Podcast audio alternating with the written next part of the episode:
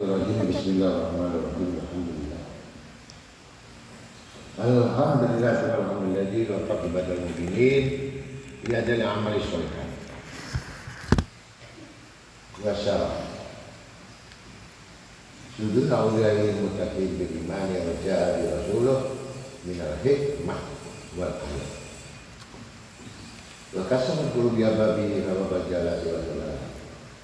wa yasara min fatihati sholat ma yatabawuna fi manazil sama fadlan minhu wa ni'mata rabbuka ya'lamu ma yasha wa yahtaru ma Ahmadu subhanahu ala malau min asma'i kusara sifat wa askuruhu ala masalu min al-ami wa barakat wa asyhadu an la ilaha illallah wa syarika syahadatan abdihi la ilaha wa asyhadu anna sayyidina Muhammadan abduhu rasuluh Shallallahu alaihi wasallam.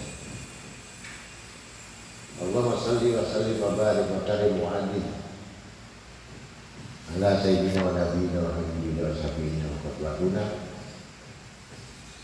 wa imamuna wa qurrati ayyina maulana Muhammad. Al-fatih lima usul wa fatih lima sabak wa nasir haqqi bil haqqi wa ladi ila siratil mustaqim sallallahu alaihi wa alihi wa sahbihi wa ridhani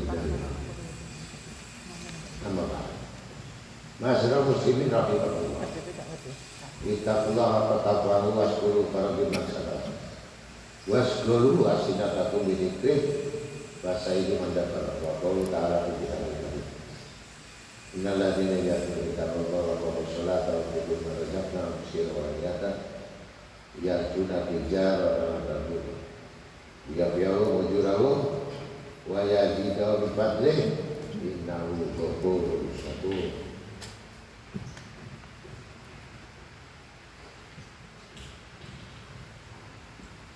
Wa qala Nabi sallallahu alaihi wasallam lil musalli alayya nurun ala sirat. Wa man kana ala sirat min ahli nur lam yakun min ahli nar. Sadaqallahu Para hadirin yang sama-sama dimuliakan Alhamdulillah. Alhamdulillah, Alhamdulillah, Alhamdulillah. Yang mana saya hari ini kita masih bisa memberikan pelajaran-pelajaran yang bermanfaat agama dunia dan mudah-mudahan niat kita semata-mata mencari ridha apa pun bentuk ibadah iman tanpa ada ridha Allah itu tertolak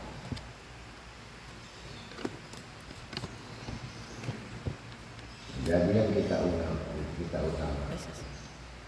Bagaimana kita mendapatkan kita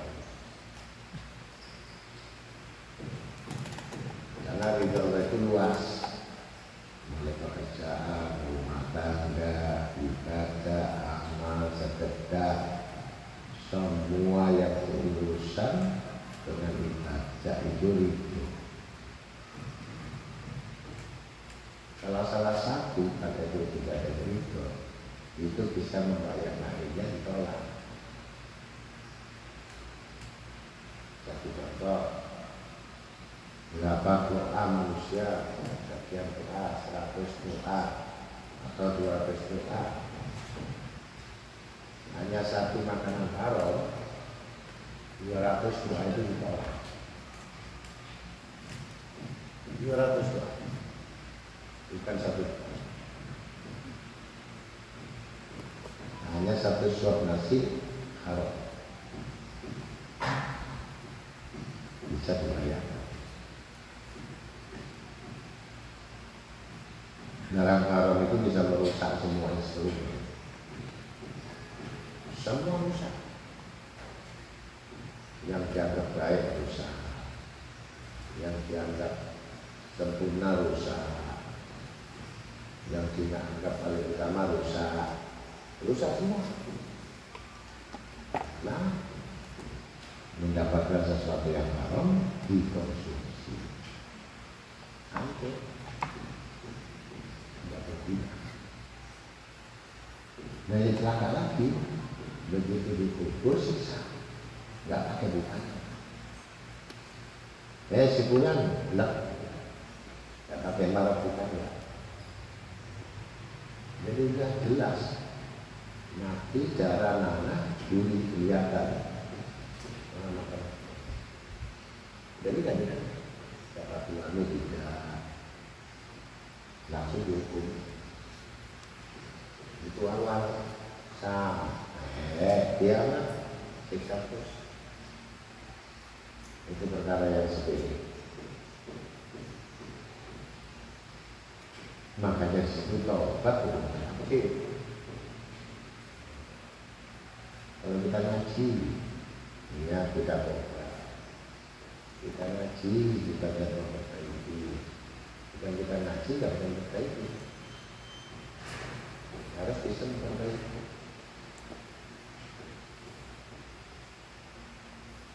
dan tidak motivasi Allah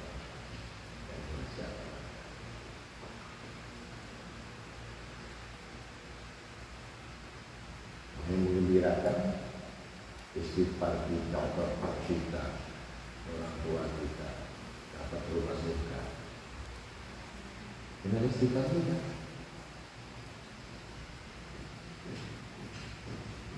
Dan melakukan tempat yang tidak ada bandingannya di dunia. Karena itu hadiah bagi anak yang soleh. Kita harapkan bukan kita harapan diri sendiri tidak.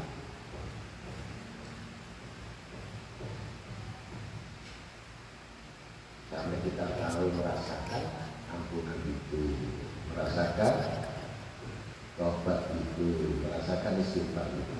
Gitu. Kalau belum merasakan, bukan sakit.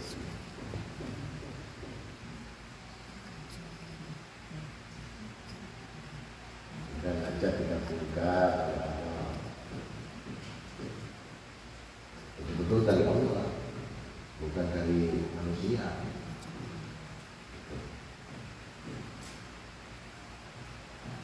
Dia rezeki yang paling top paling hebat terakhir itu usul ini, ini nomor satu bukan mati uangnya banyak, rumahnya banyak, mobilnya banyak, enggak. Meninggal, enggak Itu.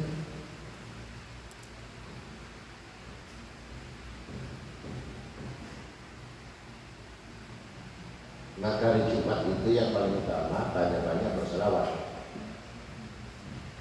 Orang yang membaca selawat untuk baginya itu dapat cahaya di atas siratal mustaqim. Dan barang siapa di atas siratal mustaqim termasuk memiliki cahaya, maka dia tidak termasuk penghuni neraka. Nanti kalau naudi cahaya ya langsung surga. Dari cahaya masuk ke cahaya. Surga itu cahaya terutama di hari itu. Allahumma sholli ala sayyidina ummi wa ala alihi wa sahbihi wa barik tasliman katsira 80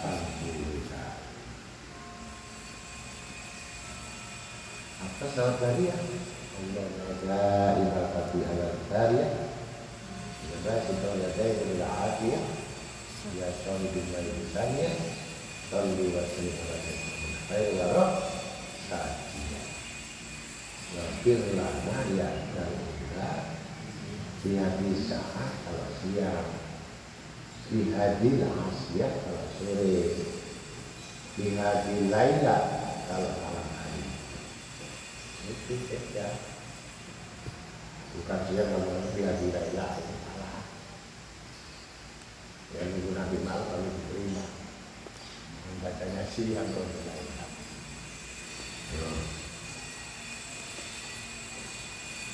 Itulah keutamaan orang baca selawat yang akan disambut oleh Nabi serta pada hari kiamat.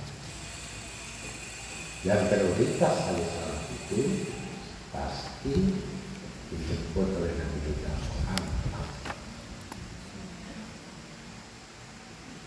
Dikirim, dituntun, surga.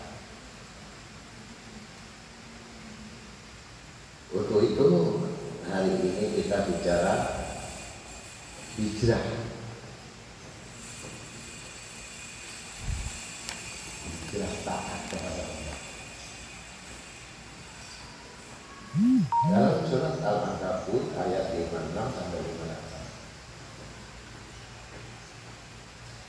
Wa qawlu ta'ala fi kitabil karim. Ya ibadiyalladzina amanu inna ardi wasi'atun ka'ijaya fa'buduni kullu nafsin da'ibatul Summa ilayna turja'un. Walladzina amanu wa amilu sholihat lanubai lanubawi annahum minal jannah ghurafa tajri min tahtil anhar khalidina fiha ni'mal ajrul amil artinya saya para mengetahui ya sesungguhnya bumiku ini luas.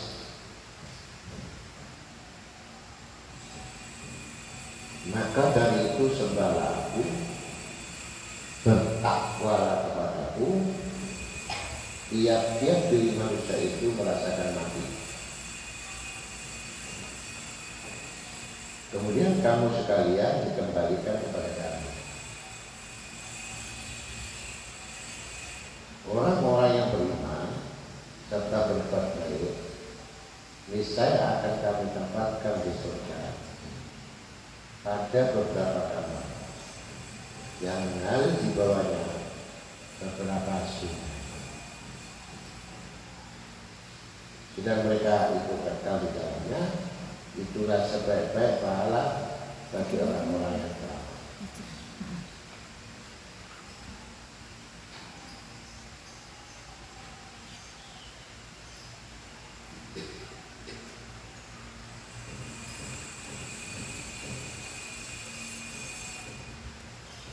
maka telah benar sabda Rasulullah SAW. Kata Mukabil dan Al-Qalbi Ayat ini diturunkan kepada orang-orang Islam yang lemah di kota Mekah. Jika Allah berfirman, apabila kamu sekalian dalam keadaan sempit di kota Mekah, untuk menampakkan iman maka keluarlah kamu sekalian atau hijrahlah kamu sampai ke Madinah sungguh bumi itu yakni kota Madinah itu luas dan aman kata Mujahid yaitu bahwa bumi itu luas maka berpindah-pindahlah kamu sekalian kepadanya. Kata saya bin Jabir, kalau itu diperbuat bermacam-macam dosa, maka keluarlah kamu sekalian, maka sesungguhnya bumi ini luas. Kata apa? Radhiyallahu Apabila kamu diperintah dengan bermacam-macam perbuatan durhaka, maka larilah kamu sekalian. Karena sesungguhnya bumi ini luas. Oleh karena itu menjadi suatu kewajiban bagi orang-orang yang berada di satu daerah yang dilakukan di dalamnya atau kota itu isinya bermacam-macam perbuatan durhaka dan dia tidak mungkin merubahnya. Hendaknya dia berpindah di mana sediakan baginya untuk mengerjakan ibadah. artinya hijrah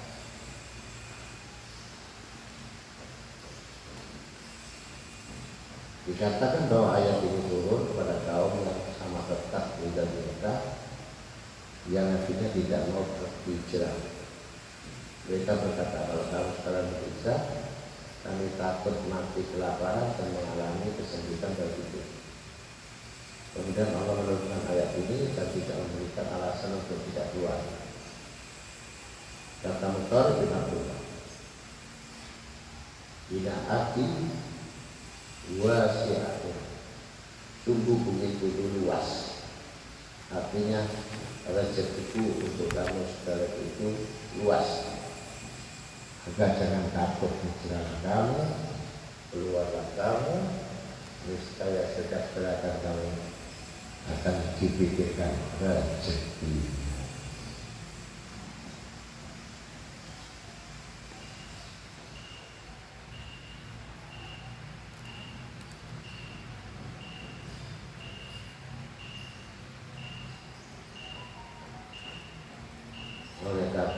itu menjadi satu kewajiban bagi Ramadan terhadap satu daerah yang dilakukan di dalam macam-macam perbuatan durhaka dan dia tidak mungkin merubahnya hendaknya dia berbeda di mana sediakan baginya untuk mengerjakan ibadah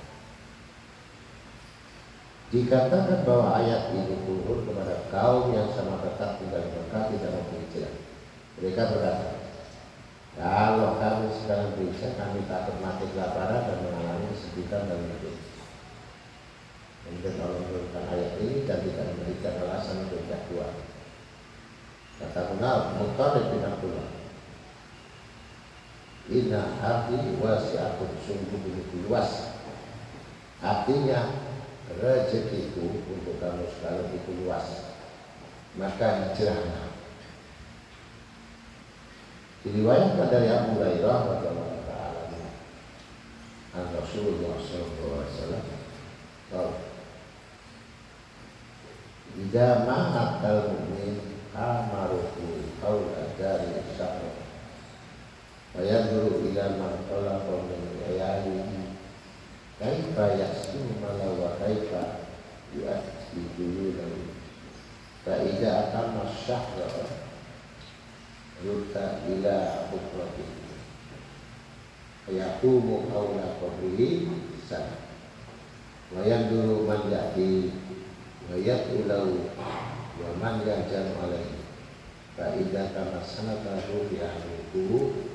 la aisu yajdamu fihi al-ahwa ila yaumil faqu fi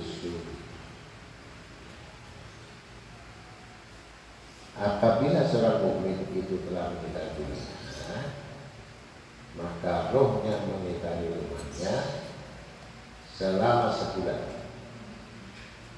Kemudian keluarganya yang ditinggalkan, bagaimana mereka membagi harta warisan dan bagaimana pula mereka membayarkan hutang-hutang. Apabila sempurna sebulan kok itu kembalikan ke liang kuburnya. Kemudian mengitari keliling kuburnya selama satu tahun. Melihat siapa saja yang menziarahi yang berdoa untuknya dan yang berduka cita kepadanya. Apabila telah sempurna dalam satu tahun, maka roh itu dirofak. Artinya diangkat ke tempat di mana semua roh berkumpul sampai hari hidupnya sangkala jadi rohnya dikumpulkan semua di dalam barzah amallah tapi kalau sudah tahu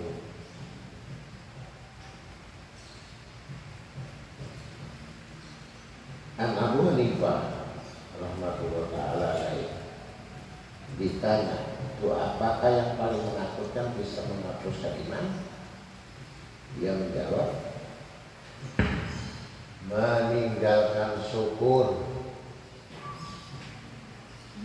kepada Allah atas nikmat iman.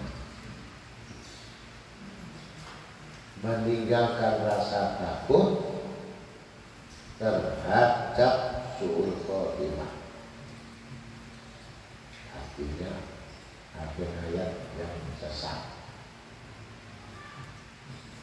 dan menganiaya orang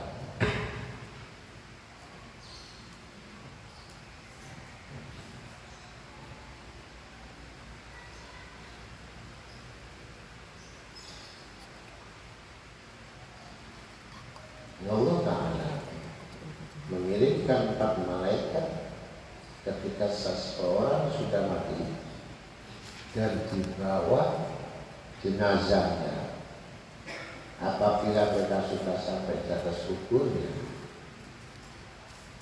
maka salah satu dari malaikat itu berseru ajal atau mati telah datang. Dan semua harapan telah putus Malaikat yang kedua berseru. Harta benda telah hilang. Dan hanya semua amal yang hilang. Malaikat yang ketiga berseru.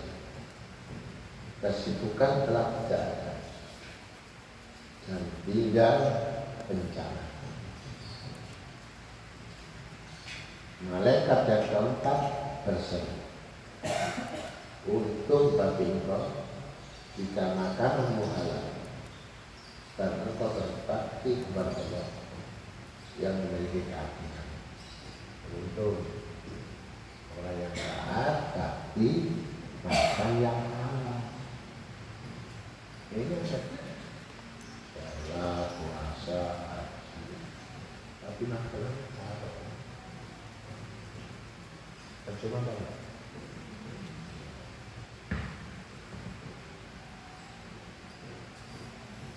Nah kalau apakah dia bisa.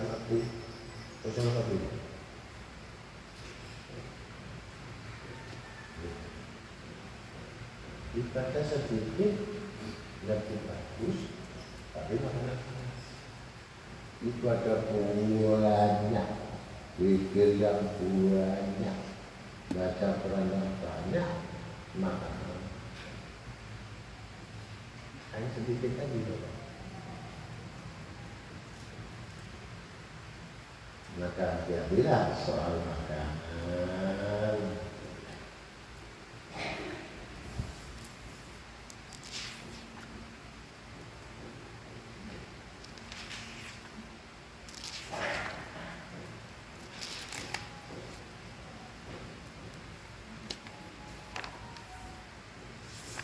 dihidayatkan bahwa Nabi Sulaiman alaihissalam ketika sudah leluasa di dalam dunia memerintah manusia. Jin tidak dalam puas dan berburu dan sudah bisa menguasai angin serta sudah memiliki kemuliaan pribadi. Maka dia minta izin kepada Allah seraya pada saya Allah ya Rabbul Alamin berilah aku izin memberi rezeki kepada tiap-tiap orang yang mendapat rezeki selama satu tahun penuh. Maka Allah Ta'ala berwahyu kepadanya Sesungguhnya apa yang kau inginkan tidak akan tercapai Tidak sanggup dan tidak bisa melaksanakan Raya Pasukan dunia ada Langit bumi ada Lautan bisa ada.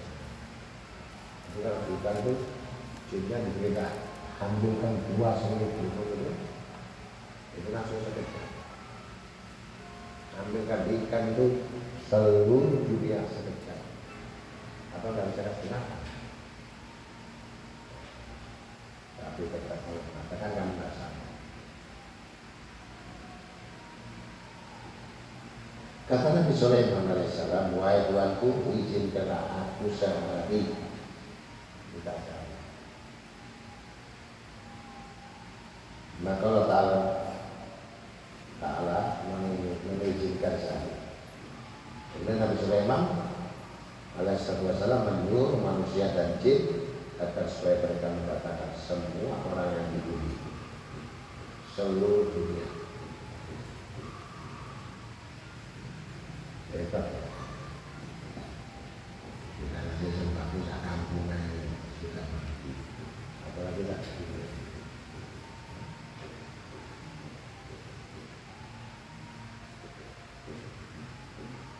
Lalu Nabi Sulaiman menyuruh masak apa yang dimasak dan mendatangkan apa yang didatangkan. Maka dimasak dan didatangkan selama 40 hari. Kemudian Nabi Sulaiman menyuruh agar semua anak-anak kecil tidak bergerak mengenai makanan sehingga mereka tidak merusak agar makanan. Nabi Sulaiman menyuruh agar makanan diaturkan di padang luas, maka panjang ukuran benang sejauh berjalan sebulan dan lebarnya berjalan dengan panjangnya luasnya tarik kali itu mengerjai rasa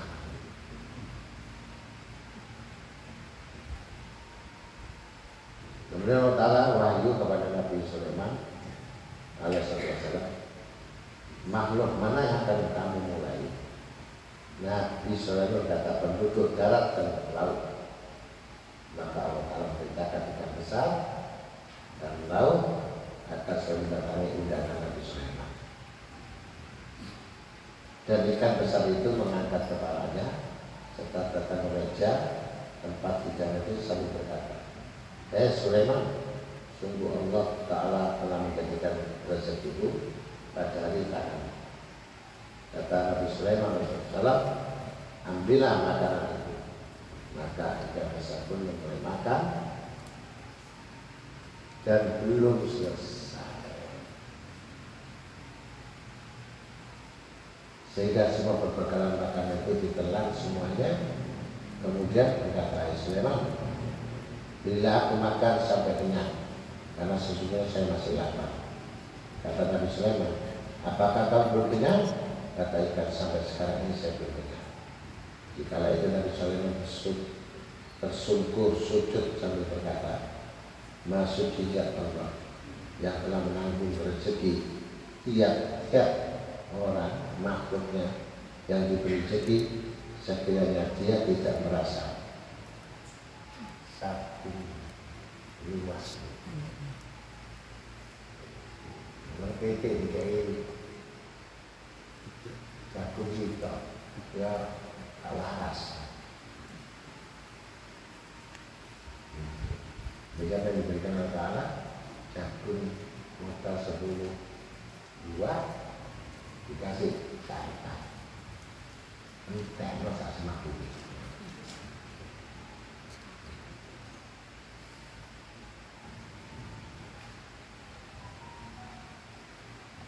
Jadi orang-orang yang percaya Oh,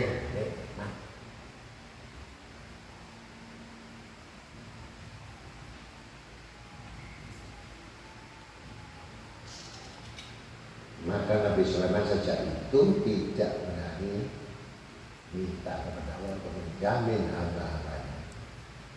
C. Masih ikan satu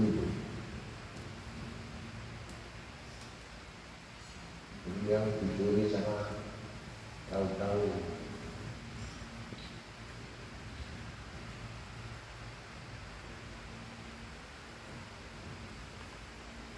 diriwayatkan pula Nabi Sulaiman alaihi wasallam. Berkata kepada semut sambil berkata berapakah rezeki makananmu selama setahun? Semut itu berkata satu biji kambing.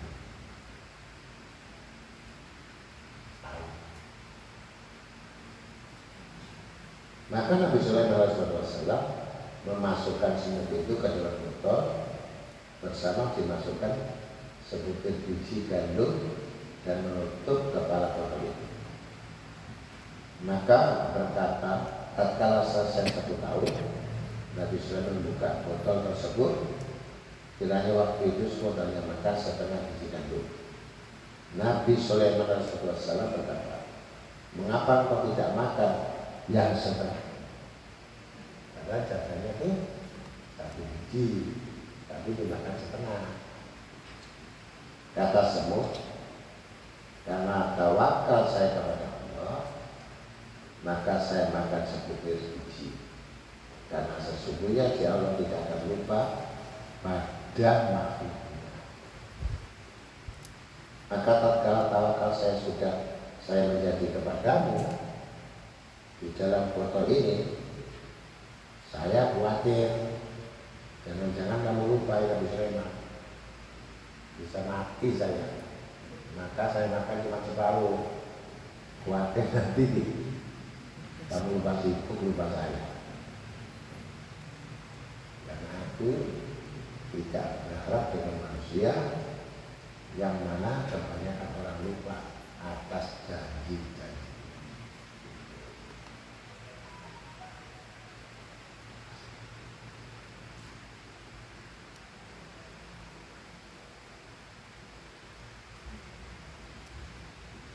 Maka saya makan sebutir biji, sejumlah dia Allah tidak akan lupa padaku maka tatkala tawakal berubah menjadi kepadamu di dalam botol ini saya sisakan separuhnya.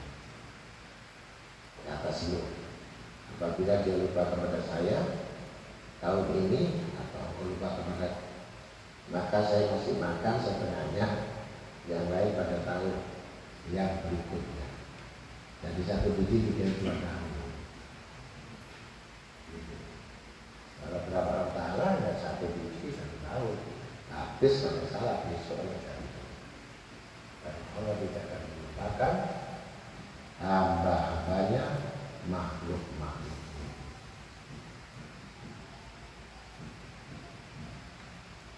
Dalam sebuah hadis Nabi SAW bersabda Ija akhadal abdu fi bin naja'i yunadi malakul maut. Da'u hatta yastarika wa idza balagha ruha sadra. Wala da'u hatta yastarika wa idza balagha qulbu ja'ahu da'u da'u hatta yu'ati al-abdu ba'dua ba'da fatuwaddiul ain al aina fatahu. Assalamu ya yaumil qiyamah wa kadzalika duna wal yadami wal jalan wa uruhu nafsu. Wa yu'addi uruhu nafsa. Wa billahi ta'ala min mata'il iman isamu wal ma'rifatul jinnah Bayar betul.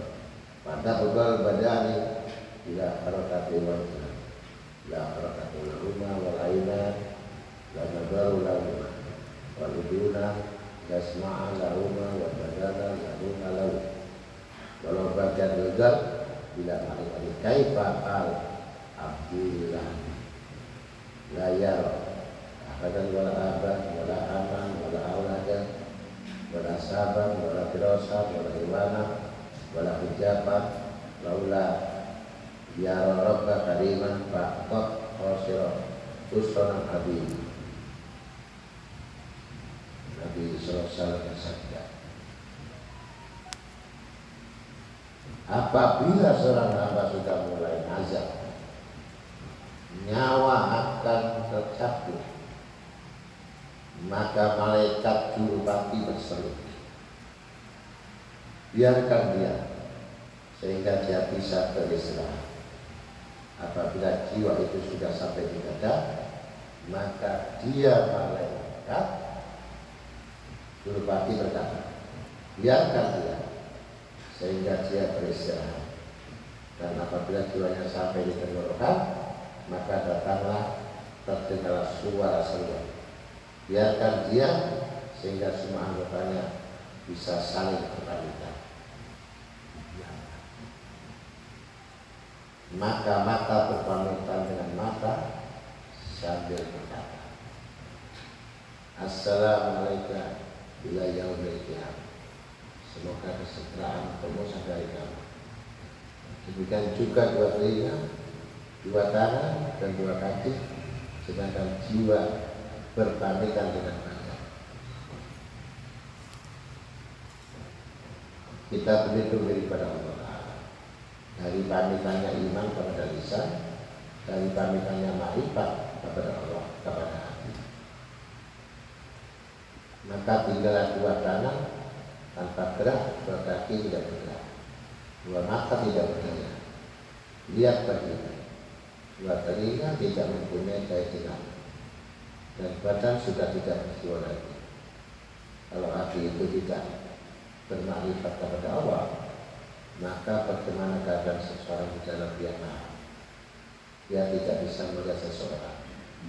Tidak bisa melihat ayah dan ibu anak dan melihat orang dan tidak pula menerima menemukan tempat tidur saudara-saudaranya dan hujat-hujat maka apabila dia tidak bisa Tuhan yang mulia sungguh dia sangat rugi besar sekali di dalam kuburan karena dia sangat bergerak. Jadi menuntut ilmu marifat itu hati. Artinya mengenal Allah. Maka di kuburan jangan gelap. Karena yang melihat Allah itu hati. Mata sudah tidak sanggup, telinga nggak sanggup, lidah nggak sanggup, melihat saudaranya, orang tuanya, anaknya nggak sanggup. Yang bisa melihat mata hati.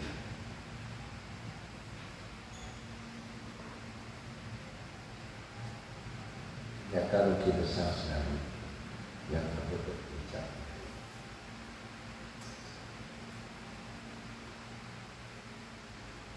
Disebutkan pula dalam sebuah hadis Inna malakal maut Ida arada qaddaru Iyakul amin La uktika malam Tuh marun. Ayakul malakul maut. Amaroni rabbi bidalik Wa yakul buruh Minu alamat wa ubuhan Katakul roh Inna rabbi Lakoni Alani Ijasadi Walam takut ijadalik ma'i fal'ana turidu anta ta'budani fayarji umanatul maut Allah Ta'ala fayatub Inna abdaka kulana yakul kada wa kada fayatubu duka fayakul Allah Ta'ala sadaqaru abdi ya malakal maut idhaba ila jannah fa'akut fa'akat alaiha alamati wa ariha ruhawu Fayadhabu malakul maut wa yaqutuha wa la yaqbulu bismillahirrahmanirrahim. Fayuri ya fa idza araha ruhul abdi ya'rudu ma'al naswabi Sesungguhnya ketika malaikat Jurupati tidak mencabut roh Maka orang berkata Saya tidak akan memberikan apa-apa yang kau belum beritahu maka malaikat Nuh berkata, Tuhanku telah memerintah aku itu. Lo itu minta tanda dan bukti daripadanya. Maka lo berkata, sungguh Tuhanku telah menciptakanku dan telah memasukkan saya di jasadku dan pada waktu itu kamu tidak ada pada saya dan sekarang kamu akan mengambil saya maka malaikat maut kembali kepada Allah sedang berkata sungguh aku bulan berkata demikian demikian dan tidak itu maka Allah berfirman roh hamba itu telah benar. Ayat malaikat ayat malaikat dirupati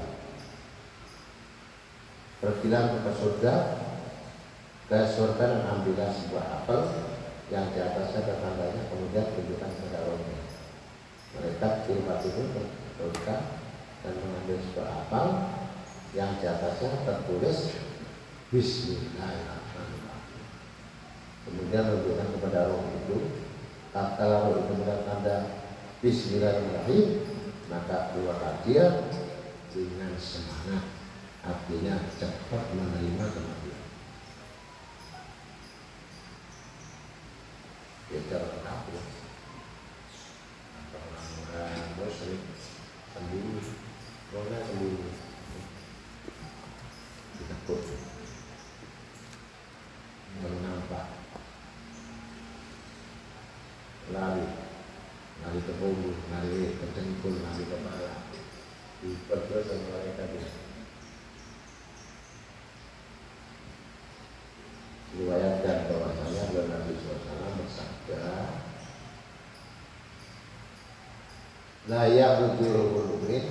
hatta yara makana fil jannah wala ya'udhul bila abawahi wa bila auladi inda dari kami iski dari kami wala ya'udhul ruhul munafik hatta yara makana fil jannah. Wala ya'udhul bila auladi wal abawahi min pajak dari kami Roh orang mukmin itu tidak akan keluar sehingga dia mengetahui tempatnya di surga.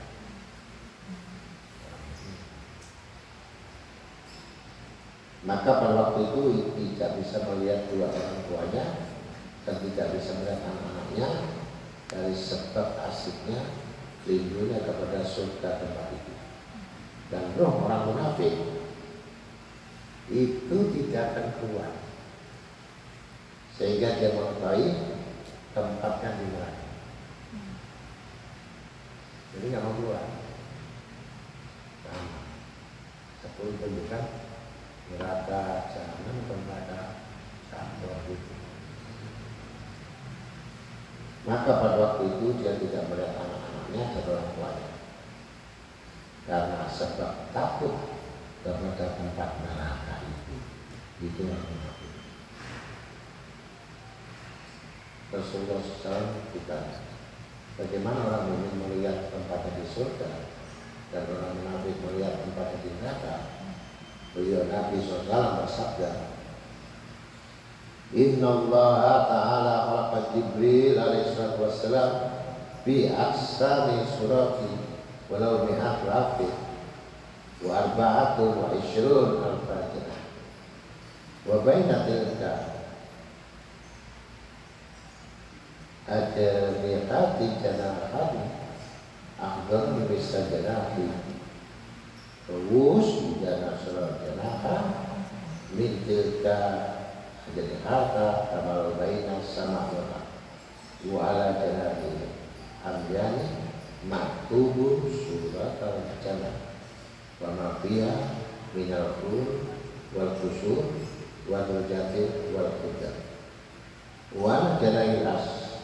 Aisyah maktubu suratun nar wa ma fiha minal hayati wal aqwali wa darqati was jabaliya wa idza jaa ajal wa idza yaqulu faujun minal malaika fi uruti wa yasuruna tu qaumin wadami ila rukzati wa yahudu dalikal fauju wa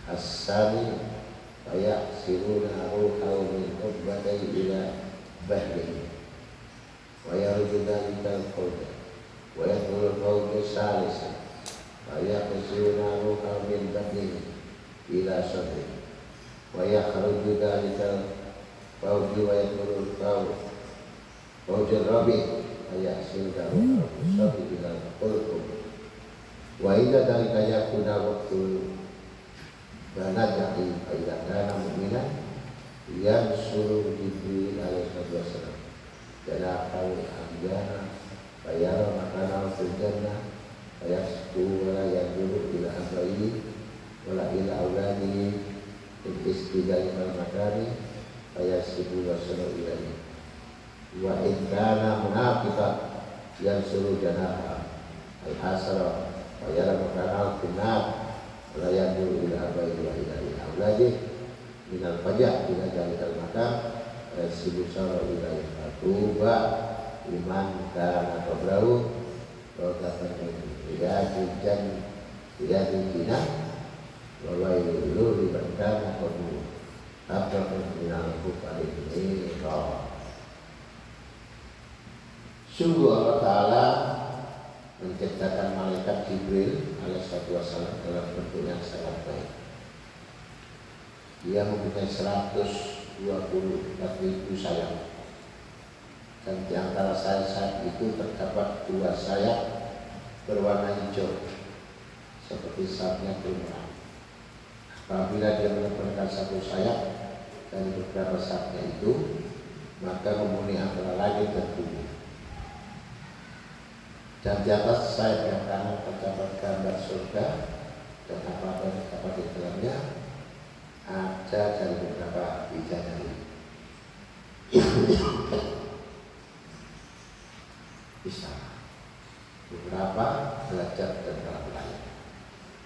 Dan di atas sayapnya yang kiri terdapat terdapat gambar neraka dan apa di dalamnya dari beberapa ular, anak cinta, beberapa tingkatan dan malaikat siksa. Atau malaikat adab yaitu malaikat Zabaniyah. Apabila telah datang ada seseorang maka masuklah seluruh malaikat di dalam pori-pori lubang-lubang kecil pada badan.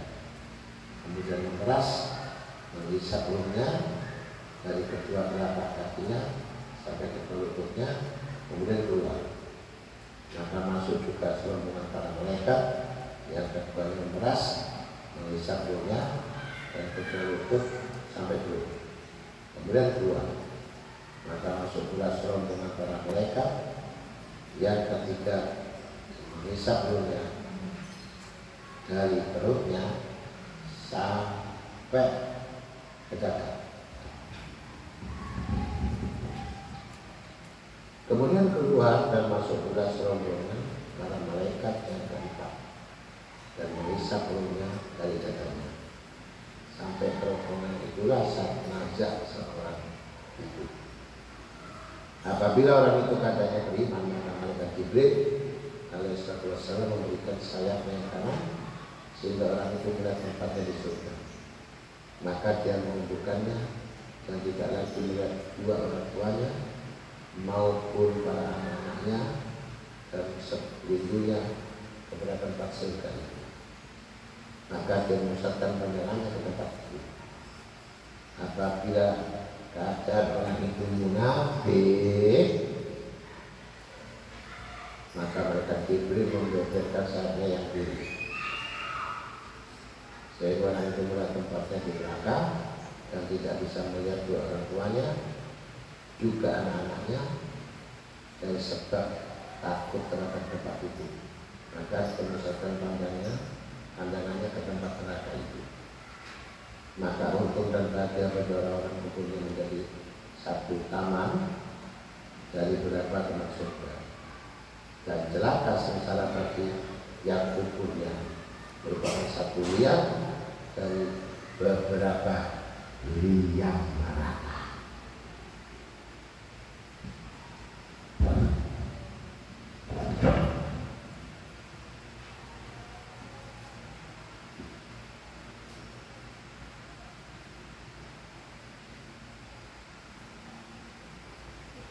Diriwayatkan pula bahwa apabila roh telah meninggalkan badan maka terserah tiga kali berjanji. Yang pertama, hei anak engkau meninggalkan dunia atau dunia meninggalkan engkau. Yang kedua, engkau mengumpulkan dunia atau dunia mengumpulkan engkau. Ketiga, engkau membunuh dunia atau dunia membunuhmu.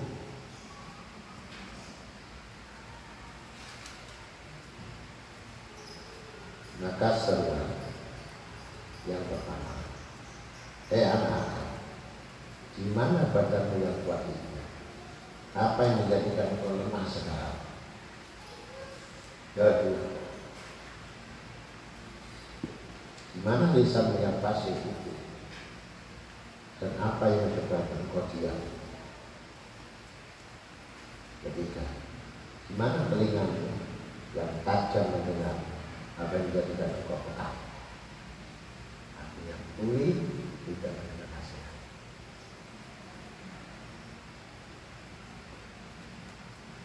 Keempat, di mana para kekasihmu yang bersih-bersih? Dan apa yang menjadikan engkau menjadi kesepian atau? Kamu cintai lupa lupa Tidak dia? Katanya kamu tidak sama dia Bisa apa katanya?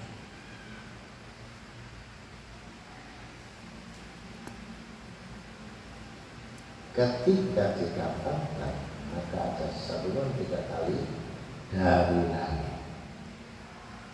Yang pertama, hai anak keuntungan bagimu apabila engkau ditemani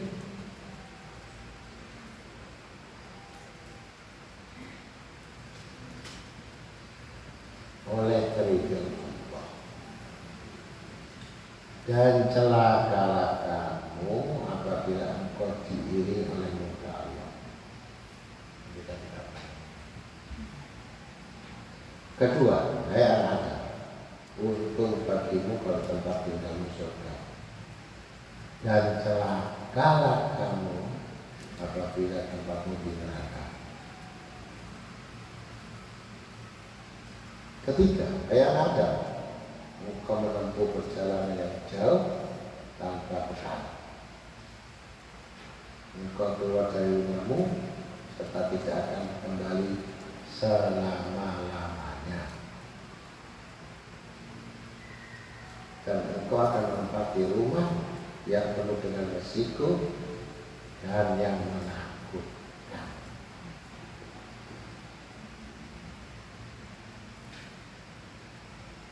apabila dia diangkat kemudian diusung mayatnya maka ada seorang lagi tiga kali mayat Hei anak Adam, untung bagimu kalau amal perbuatan itu baik. Kedua, untung bagimu kalau engkau sudah bertobat. Ketiga, untung bagimu kalau engkau sudah menjadi orang yang taat kepada Allah. Nah, diusung. Itu apa main itu? Ini orang lain tidak tahu. Anak tidak tidak tidak.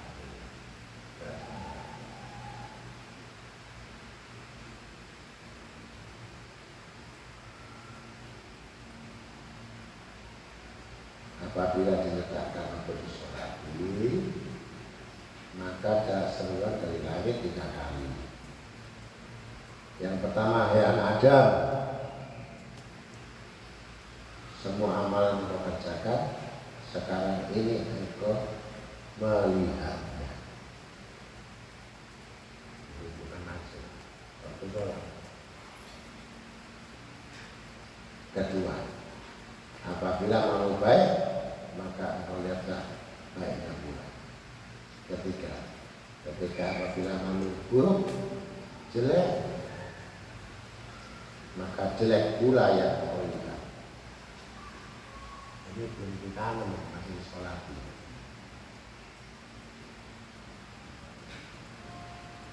Apabila usungan mayat diletakkan di tebing, tepi kubur, maka ada seruan tiga kali di langit. Ya Adam, alat keramaian apakah yang kau bawa sebagai bekal untuk tempat yang kosong, sunyi seperti ini? Berapa lima puluh. Dua, kekayaan apakah yang kau bawa untuk tempat yang akhir ini? Ketiga, kenerangan apakah yang kau bawa untuk tempat yang gelap ini?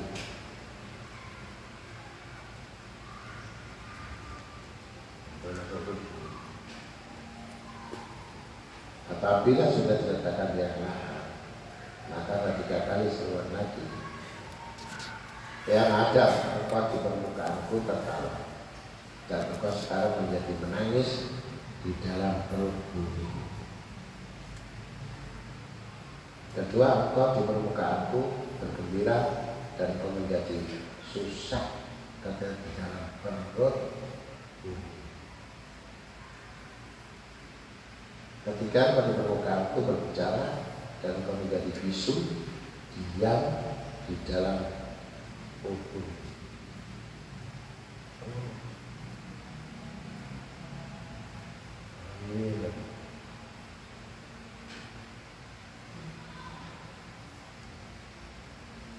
Apabila orang sudah kembali meninggalkannya di dalam kuburnya, maka Allah Ta'ala berfirman, Ya abdi Bakita farida Wahida Wa tarakkuka fi dhulmatil qabr Wa qad asaitani Bi ajli. Wa ana rahman Rahmuka yawma rahmatan Yata'ajjabu min nas Wa an asfaqo minal walidati biwaladiha Eh hambaku Engkau sekarang seorang sendirian. Dan mereka telah meninggalkan engkau di dalam kegelapan kubur. Dan engkau telah menurunkan aku Untuk keperluan mereka. Sekarang aku balas belas kasihan kepada engkau yang menjadikan orang yang sama kagum karena aku lebih kasih sayang daripada seorang ibu terhadap anak-anaknya. Jadi kau harus menanggung dengan pertolongan Allah yang maha raja, yang maha pengampun, maka akan menjadi penghuni dari salam surga sebagai teman orang-orang yang baik maka bulan sudah itu mau setiap orang punya nyawa pasti akan merasakan mati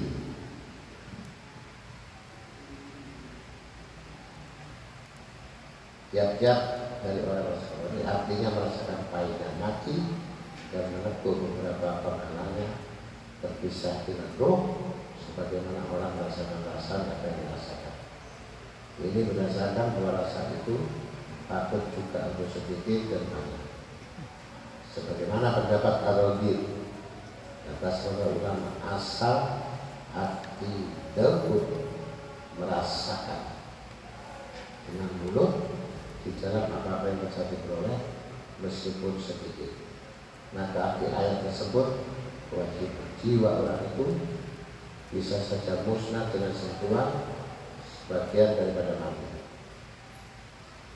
Katanya bahwa sesungguhnya manusia itu mempunyai roh jasad dan antara halus di antara keduanya. Dan itulah roh itu. Maka selama udara itu tetap tinggal pada arah tempat yang sesuai adanya hubungan antara keduanya, maka hidup itu ada padanya dan tatkala udara itu padat, hilang dan keluar tempat bersesuainya, maka hilanglah hidup dan roh. Meninggalnya badan dengan perpisahan yang terpaksa itu adalah bentuk mati. Dan tidak bisa diketahui bagaimana nampaknya wujudnya roh di dalam badan. Dan demikian pula juga bisa dikatakan bagaimana dia meninggalkan badan itu waktu mati. Melainkan para ahli selidik yang sempurna. Summa alaihi. Summa ilaina kemudian kepada kami artinya hukum kami dan kepada kami balasan kami turjau dan kamu sekalian dikembalikan. Kalau seseorang telah mengetahui akibatnya seperti ini, maka seyogyanya bersungguh-sungguh dalam untuk mencari bekal. Sih tapi istiqomah jalan terus harta haram masuk. Subhat Abu Masud seneng terus merencer terus. Pokoknya enjoy terus. Itu tanda orang munafik tidak dikasih masjid kan? Dilonggarkan terus. Mau keliling luar negeri bisa. Mau ke Bali bisa. Mau ke Paris bisa. Tujuh negara biasa Gak ngaji seger. Itu ngaji sakit. Jadi untuk kebaikan sakit tapi untuk masyarakat enggak seger. Ya pernah sakit sakit duitnya banyak yong-yongnya banyak. Wah seneng aja terus. Sampai ditumpuk berapa dan dosanya itu dan yang gila lagi tidak ditunjukkan untuk hijrah. Untuk bertobat. Tidak ditunjukkan. Dan yang diperbuat itu merasa tidak berdosa gitu dia menganggap itu adalah satu bentuk kehidupan.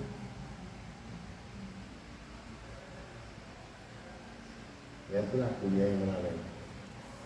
Dunia yang menipu dia. Tapi dia nggak sadar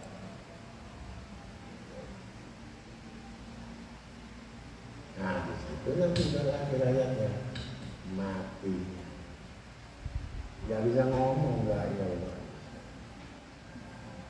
Itu sih. Koma, seperti terus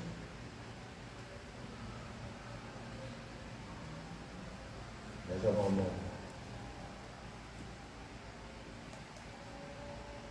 Sampai matinya sesat. Tapi siksa dulu, siksanya seperti itu. Bukan sakit langsung matinya terus roti mana? Sakitnya matinya sesat.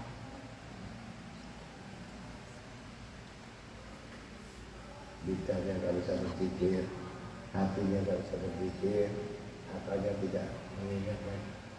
Sekarang dirinya itu suaminya ibu bapaknya nggak dengar, nggak lihat. Dia bingung kalau yang bingung begitu lihat surganya kalau yang menakut bingung lihat neraka ya dan neraka sakon. Itu terus ketakutannya terus. Mata keningnya keluar. Keringat putih orang takut padahal rumah sakitnya tinggi tapi keringatnya keluar ada itu karena ada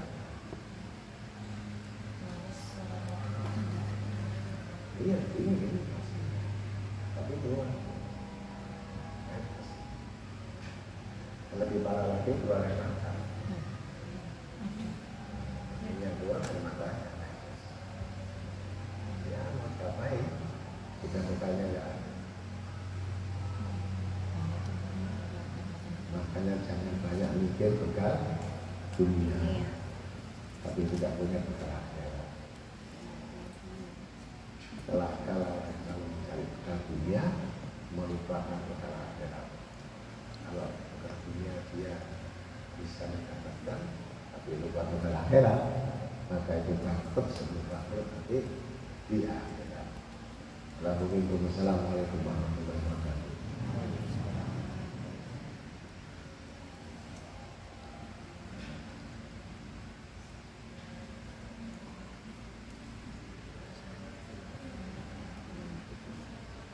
waktu kesempatan berbuat baiklah jangan alasan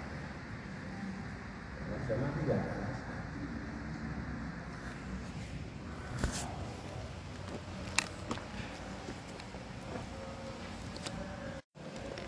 melanjutkan dari kitab Syekh Hasan Asyadili tentang bab tauhid. Beliau bersabda di dalam Quran surat Al-Ahzab ayat 6 Sebelumnya ada pengantar bahwa keluargamu adalah Nabi Adam alaihissalam Siti Hawa, Nabi Ibrahim alaihissalam, Nabi Musa alaihissalam, Nabi Isa alaihissalam, Nabi Muhammad alaihi sallallahu alaihi wasallam. Dan para istri-istri beliau.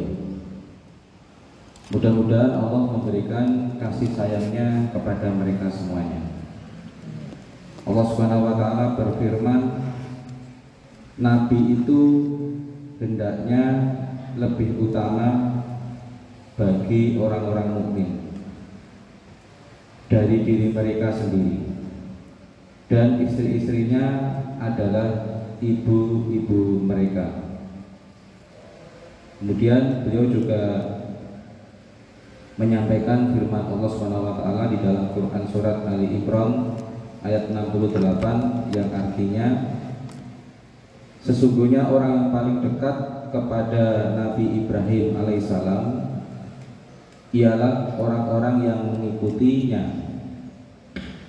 Dan Nabi Muhammad SAW beserta orang-orang yang beriman kepada Nabi Muhammad SAW dan Allah SWT adalah pelindung semua orang-orang yang beriman. Ini tentang bab tauhid. Mohon penjelasan dari kedua ayat ini.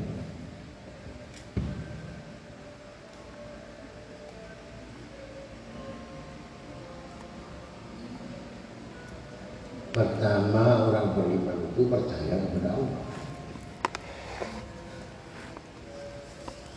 Yang kedua kitab-kitabnya. Yang ketiga baru Rasul.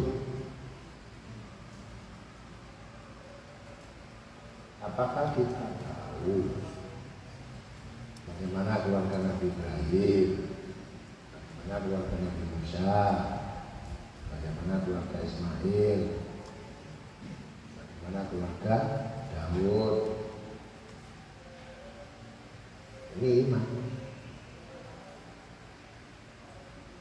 Jadi kalau kamu potensi-potensi itu mencintai seorang Rasul, ya kamu harus tahu berapa jumlah Nabi. Total berapa? Yang ulul azmi berapa? Yang megang kitab berapa?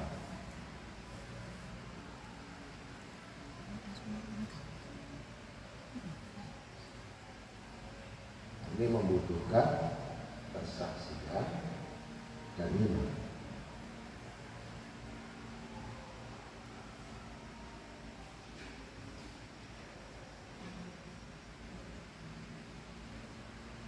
Kita nggak boleh ngaji, yang ngaji aja nggak paham. Ya. Apa sih tugasnya Nabi Ibrahim? Nggak tahu. Tugasnya Nabi Musa tugasnya Nabi Sulaiman tugasnya Nabi Daud tugas Nabi Adam itu apa tugasnya Nabi Nuh itu apa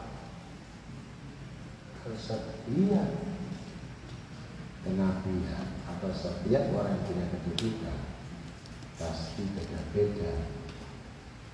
Keahlian dan pemerintahannya. Begitu.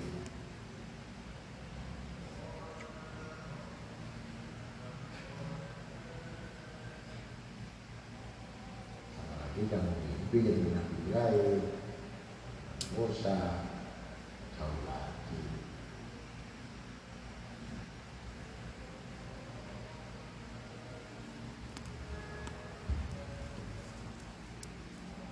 Ketika disebut nama Nabi-Nya, dan orang penasaran bagaimana rupanya.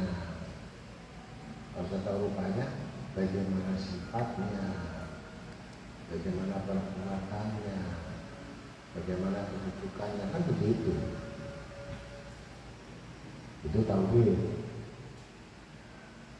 Kamu kenal dengan teman, katakan kamu kenal Priyadi. Apa kamu nggak tahu sih? Berarti bukan teman.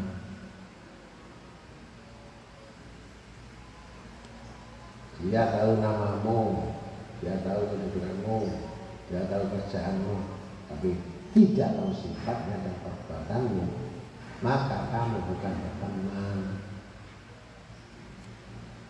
Bercocokan.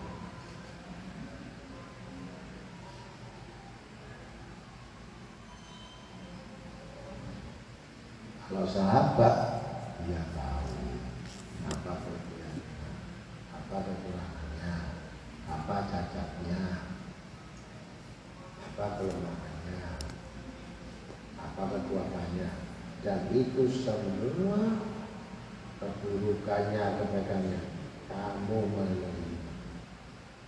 Itu baru sahabat. Menerimanya baik-baik bukan sahabat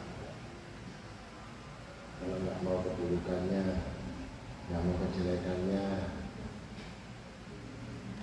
nggak mau cacatnya itu nggak apa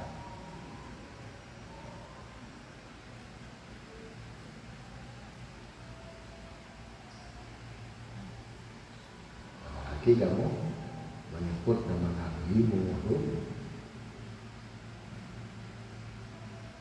gimana akhlaknya, gimana budi pekertinya, bagaimana sopan santunnya, gimana jalannya, ya, gimana perbuatannya, bagaimana kemurahannya, bagaimana jalannya. Itu harus. Itu tanda-tanda mencintai.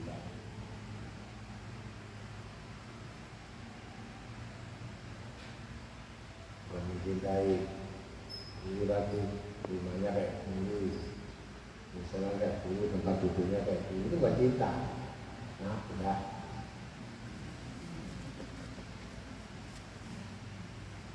bukan gitu.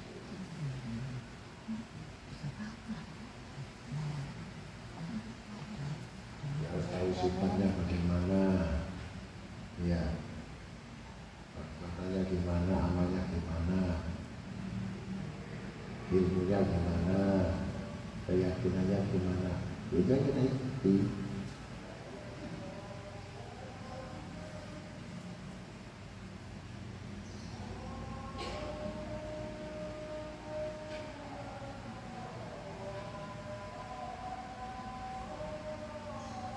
bagus ini tapi kondisi sudah bagus sangat sudah dihabisi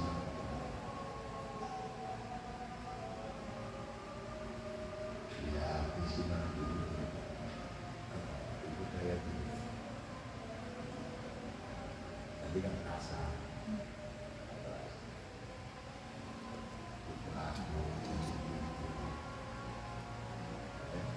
disiasati tidak ada. Ini nggak ada yang tahu orang berilmu tahu ini siasat. Ini siasat setan. Ini siasat iblis tahu. Nggak ada. Ini eh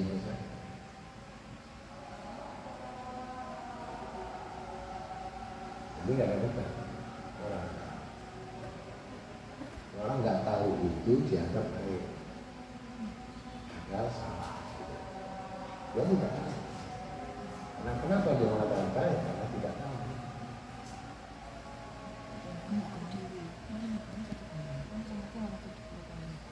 Kalau dia berbuat baik tahu ini mana. Ini ada poinnya ini ada ada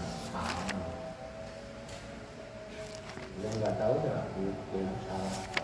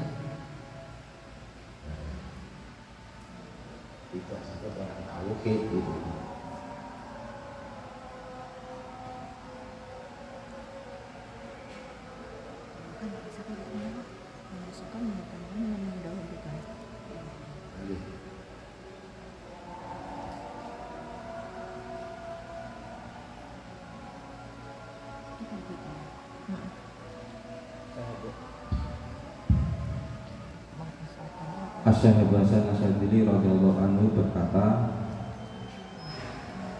Orang yang menjaga diri dari syirik dalam tauhid dan menjaga mahabbah dalam hatinya maka Allah Ta'ala akan menguatkannya dengan madat yang agung di kehidupannya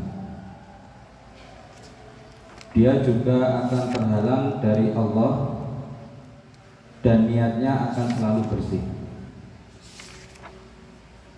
Orang yang lebih condong kepada jiwa-jiwa yang penuh syahwat,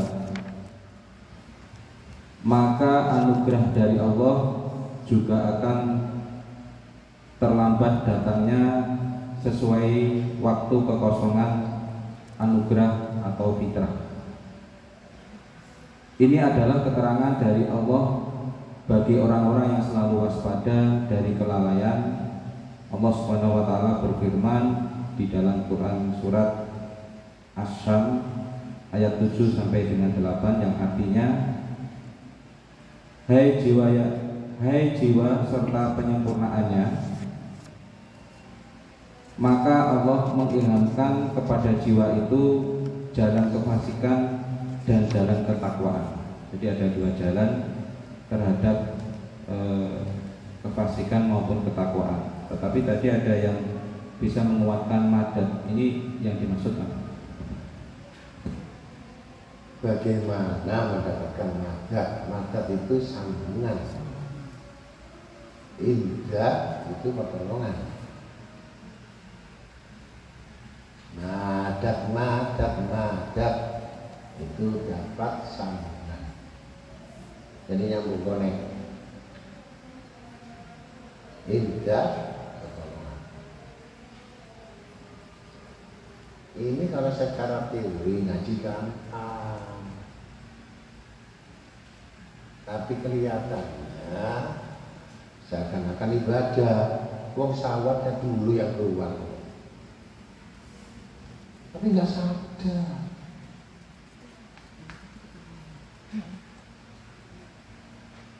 bukan akhirat dulu yang keluar. Udah dibentuk sistem ornamen di otak kamu yang sudah jangkal otak yang kosong otak udang. Ibadah ini salah kalau sahabat sudah menjauhi dari ibadah ya sampai mati pun ya sahabat yang dijawab yang bisa bohong itu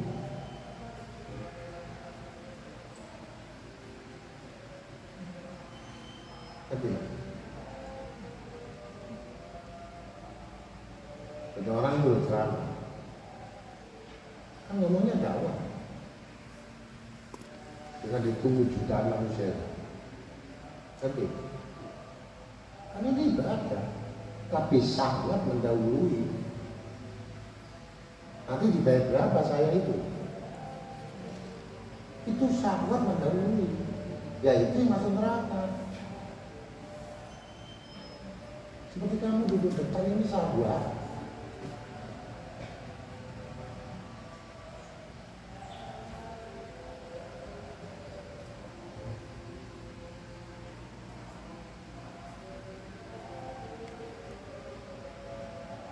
yang belakang sendiri nggak muncul ini sahwa nah, merasa nggak punya merasa nggak punya duit merasa nggak punya adab di depan merasa punya duit? Bisa dekat itu dia ini cuma dikotori oleh sahwa dikotori oleh nafsu. Yang harusnya mencari ridho sahwa Nabi.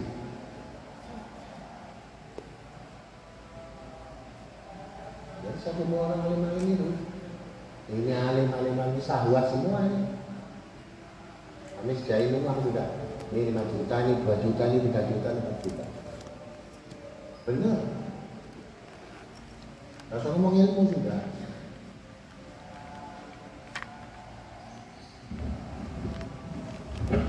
Tinggal diputar aja USB. ketika kamu dikubur ditunjukkan amal musahwa ngeri apa enggak? ya ini orang munafik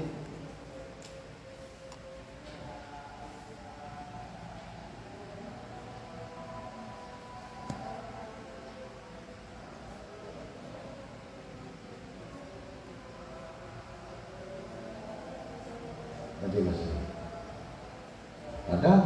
Padahal niatnya bagus Tapi ada salah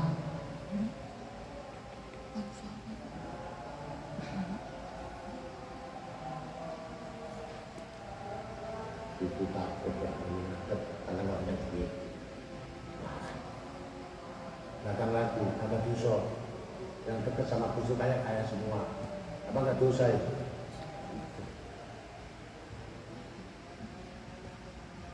yang melarat dan mungkin bisa dekat sama Gus gitu.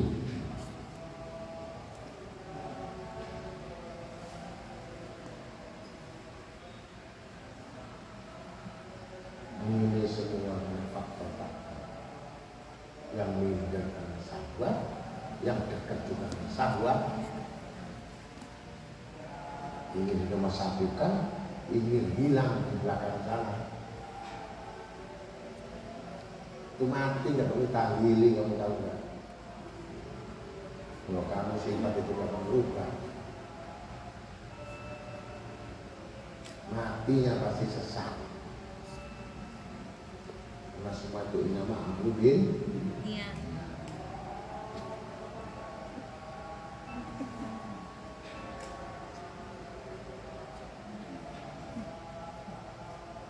jadi kau sudah tahu apakah saya nafsu apakah saya orang pertama atau orang yang paling utama itu harusnya kau mengatakan akulah yang pertama menjadi orang-orang yang bertobat atau orang-orang yang takwa bukan orang satu yang bisa dekat dengan Guru tidak ada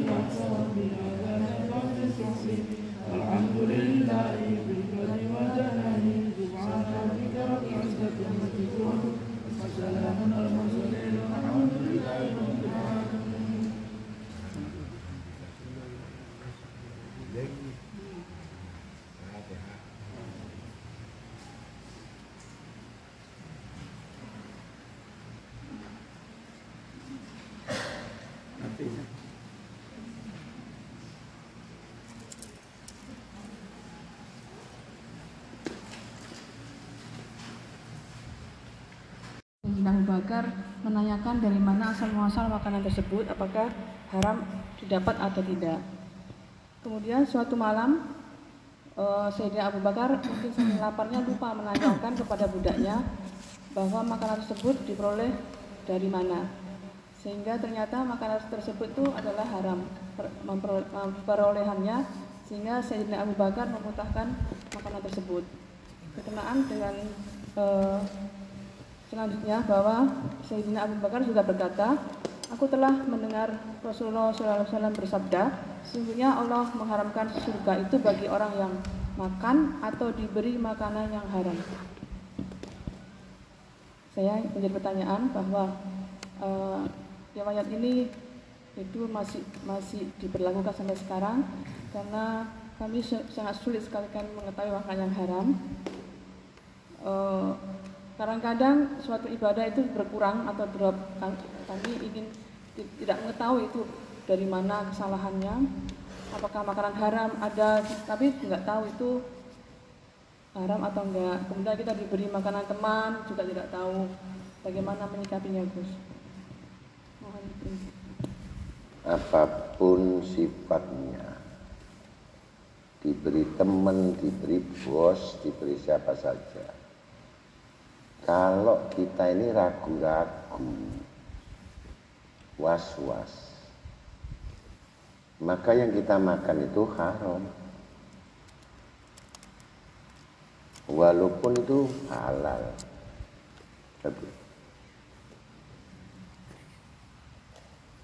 Kamu ditraktir tapi kamu merasa nggak nyaman. Haram ketika itu barang haram kamu masuk kamu yakin itu halal? Ya halal. Maka perkara yang sangat menyulitkan itu adalah perkara yang sifatnya was-was atau ragu-ragu disebut subhat abu-abu yes, paham. Makin kuat kamu ragu-ragumu makin terjerumus pada sifat haram gitu. Satu contoh. Rame di YouTube. Bahwa McD ya toh? McDonald itu ayamnya nggak dipotong. Nggak pakai Bismillah nah, atau burger rame ribut Akhirnya dua manusia ini saling berselisih. Yang satu mengatakan, saya yakin itu dipotong. Maka yang dimakan halal. Gitu. Lah yang yang satu ini karena lihat YouTube-nya, lihat sapi sapi itu dimasukno apa? Alat Alat penggiling itu. Maka dia saya melihat di YouTube McD itu tidak disembelih nama Allah sapinya ayamnya. Maka dua teman ini sudah kamu makan ayamnya saya enggak saya ngantar kamu tetap satu bersikuku nggak mau makan ayam Gus dalam hal ini yang penting kita keyakin prasangka kita bukan iya. bukan benar salahnya ya Gus. Iya, bukan bukan asal usulnya.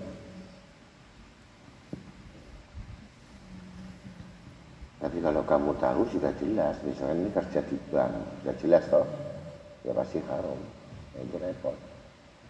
Uh, yang saya bukan bukan sok tinggi dalam ilmu, tapi sikap hati-hati waroknya nggak nggak perlu Gus di sini Gus yang penting kita yakin itu kita halal gitu. nggak bisa warok nggak bisa warok itu kan di atas juhud Nanti bukan bukan bukan dalam pengertian warok yang ilmu gitu bukan hati-hati kita Iya. Itu bagaimana Gus? Ya hati-hati tadi kamu ragu-ragu atau tidak. Itu aja. Kalau diberi dari teman. Orang kafir nggak apa-apa, nggak ada hubungannya. Iya. Orang Kristen ngasih pasca ngasih telur pasca ngasih apa namanya tar makan aja halal itu. Kecuali kalau dia mengatakan ini makanan babi itu haram. Kalau telur kasih topi itu ya dikasih mata enak telur asin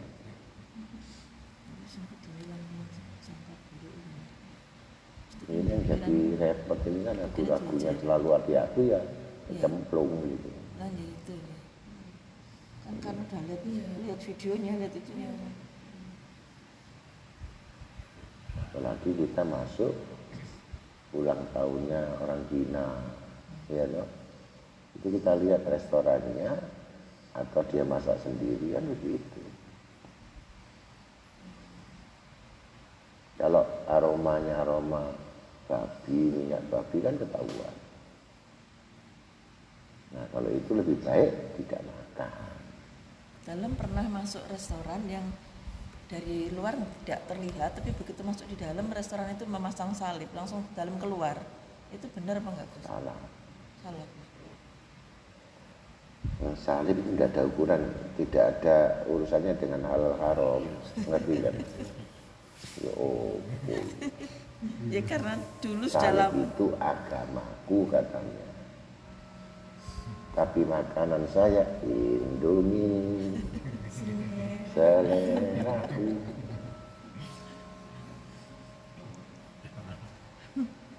Wis paham. Ditakdir orang Jepang. Terus mlebu nggone sushi. Makan sushi halal.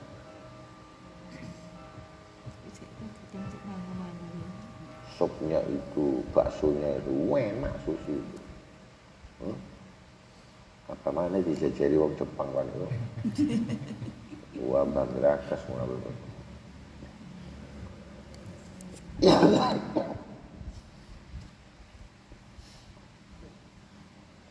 Tapi kebanyakan sekarang itu Korea, orang-orang nom-nom lagi Korea, Korea, Korea, Korea.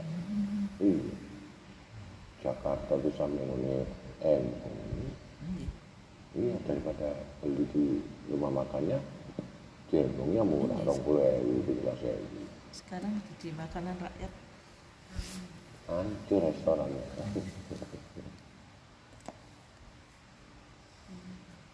Murah meriah. Giling Korea. Hmm, ada simbolnya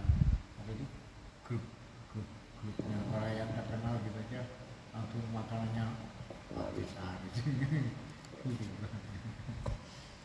Luar biasa.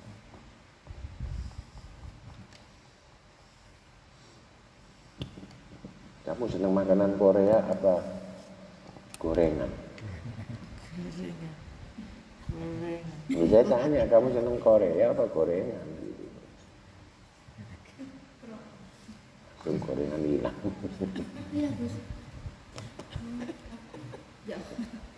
Berarti gak doyan gorengan ya, Korea.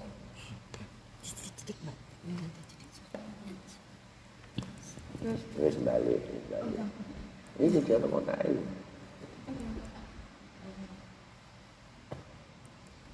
Udah, yang penting nggak boleh ragu-ragu. Kemudian bagaimana jika kita merasa drop dalam ketaatan dan kita mereview bahwa ada makanan haram apa yang masuk tapi tidak ketemu nggak ketemu perasaan sudah perasaan begini perasaan nggak ada yang haram perasaan sudah habis tapi ternyata kita drop dalam ketaatan yang yang kita belum tahu sebabnya bagaimana Iya, berarti kamu was-was. Udah selesai. Apa pun bentuknya kamu hidup lalu was-was. Masih ada saya makan haram, ya haram. Kalau saya mikir begitu. Kalau kita McD, makan aja. Kalau kamu pas. Itu loh? Tapi kalau kita nggak mau makan kan nggak apa-apa Gus. Memang Oh. saya nggak saya nggak mau makan. Ya wajib nggak boleh makan kalau nggak punya duit. Jadi kalau kita masuk ngambil sendiri, burger ngambil sendiri, ya yakin aja sudah ayam itu. Yang penting ada Bismillahirrahmanirrahim atau Bismillahirrahmanirrahim selesai. Itu, oke?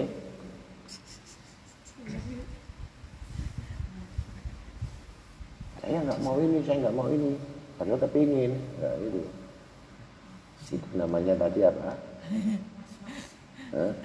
Sahwatnya lebih dahulu daripada hukum. Itu makanya saya marah, sahwatnya itu lebih kuat daripada hukum. Kalau hukum yang jalan, niscaya sahwat terhukum, gitu loh. Itu susahnya ngaji.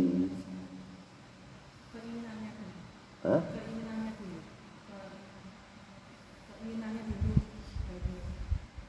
Hukumnya dulu daripada syahwat.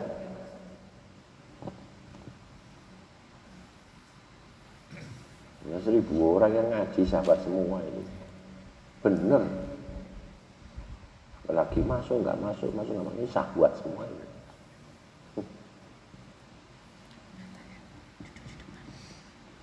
Tapi pelakunya nggak sadar. Iya.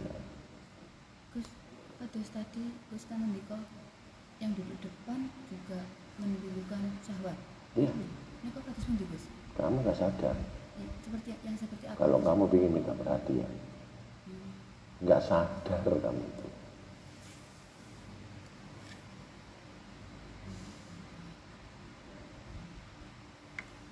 Pasti orang tuanya itu menilai kamu. Ini orang yang ini. Orang membuat menilai kamu. Kamu sudah jatuh martabat. Sebaiknya pindah dulu. Baiknya bagaimana Gus? Baiknya minggat. Pindah. Kami pernah berencana mau pindah ke belakang. Sudah lama angan-angan mau Tidak pindah. iso. Sing lanang yang pun yang ngono, prihadi yang ngono, Habib Husin yang ngono. Lanjut. Dalam Udah lah ini. Saya sekarang gini ya, saya nggak bisa da- dalam rasanya tuh perempuan Gus kok di depan terus Gus kan nggak enak dalam ingin ke belakang Ya karena kamu ingin diperhatikan. Walaupun kamu nggak sadar, eh sadar nggak? enggak sih Itu hukum atau syahwat? Kalau Saking halus iblis. kemudian kalau dia sudah sadar terus ingin ke belakang Gus Bohong. oh, Loh, Ya bohong. sudah sudah rundingan lama Gus kami mau ke belakang karena perempuan kok di depan kalau menurut taklim kan harusnya di belakang nih Gus Nggak bisa diatur. Ini sudah. Teruskan aja nggak masalah. Ya. Tapi Yang penting Jumat ganti Minggu. minggu menapa Sabtu Gus? Kayak gak iso ngomongin Minggu, ya Minggu. Iya. Rabu toh Gus yang diganti Minggu? Jumat tetap wonten toh Jumat siang Oh Rebu, Hmm, Rebu nggih. Diganti minggu nih Gus. Nih, Minggu mau Aku gak bingung jadi Habib Husin ini ya lu Rebu. Minggu. nggih Iya dong? Nah sini yang ngomong jalur Sabtu. Sing di. Nah, di dalam di mangertos menawi Gus bingung Nah karena iya sing iso endi Minggu ya Minggu. Nah, kalau Sabtu dalam minggu langsung lawatan ya. nggih. Kalau Sabtu itu kan dalam Tapi ada ziarah. Ziarahnya itu jam 8 selesai jam 1 atau jam 2 mulai ngaji. Lain lain di dalam ngaten tapi Habib pun anu mimpin ziarah lagi nanti minggu ke berapa katanya Iya, tapi mimpinya kan mulai jam 8, ya. udah jam 10 ya. iya Ziarah jam 5. Habibnya yang keberatan kalau Sabtu Gus. Eh, iya bener ya. Kalau Minggu. Kalau minggu. enggak tapi ditus Ya karena minggu dia pulang. karena berangkatnya ziarah itu kesiangan Gus kami sudah pernah ngusulkan tapi Iya. ada yang nggak bisa kalau pagi gitu loh Gus repot Iya kan enggak, enggak jenis ziarah pagi Nanti Senin. Tambah hari kerja Gus. Ya nak minggu itu langsung dingin langsung ngaji Hmm. Ziarah itu kan pagi Iya. Kamu kok jangan sampai rumah gitu. Oke, enak rekaman itu.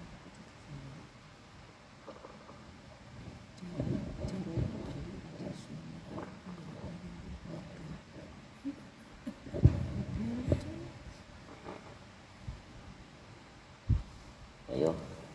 Singapura. Sedang ya. Nggak sedang ya.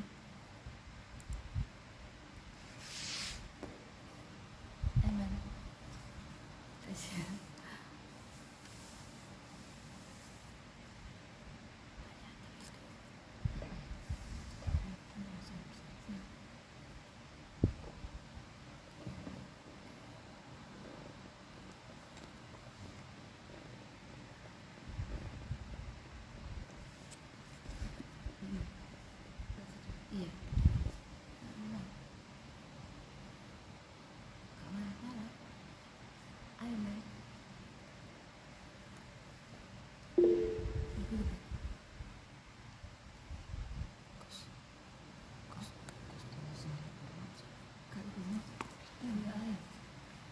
Besar itu siapa?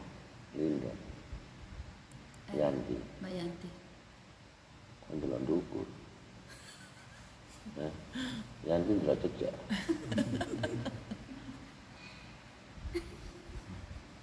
Siapa Yan, lagi? kan delok jejak. ya.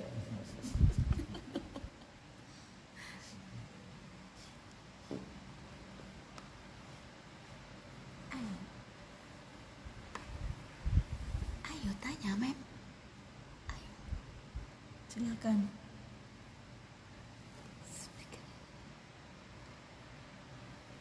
ayo Mem tanya ini. Bahasa Belanda itu tidak ada apa bunyinya? Nih. Nih. Nih. Iya, Pak. Bahasa Belanda Nih. tidak ada itu apa? Kalau memang kamu ketemu orang Belanda. Nih tidak. Apa, kuliah.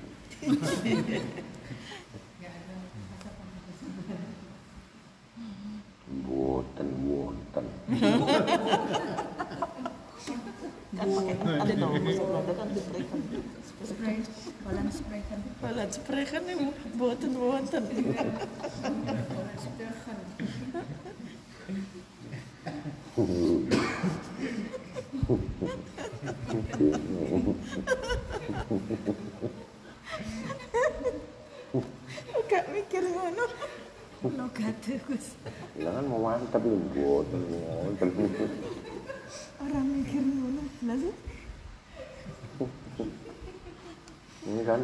Takon tak kayak bedaan pronto.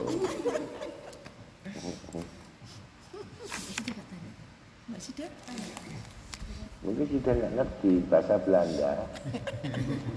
Tidak ada itu apa? Nggak ngerti.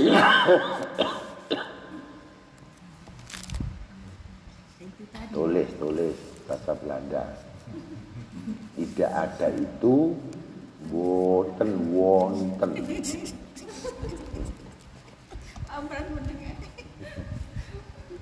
Sudah Apa apa? Tidak ada. Boten wonten.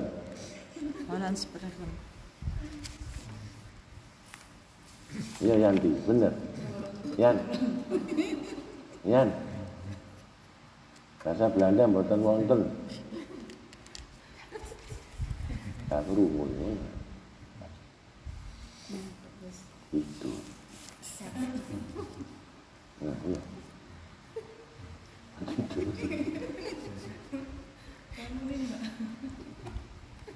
Dibangunin dia mau ngaco. Hah?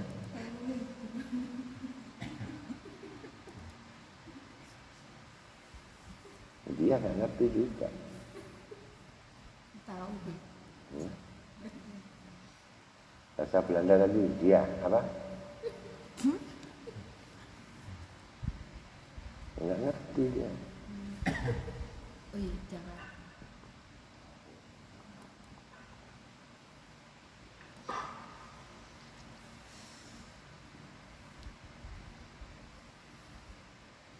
Assalamualaikum warahmatullahi wabarakatuh.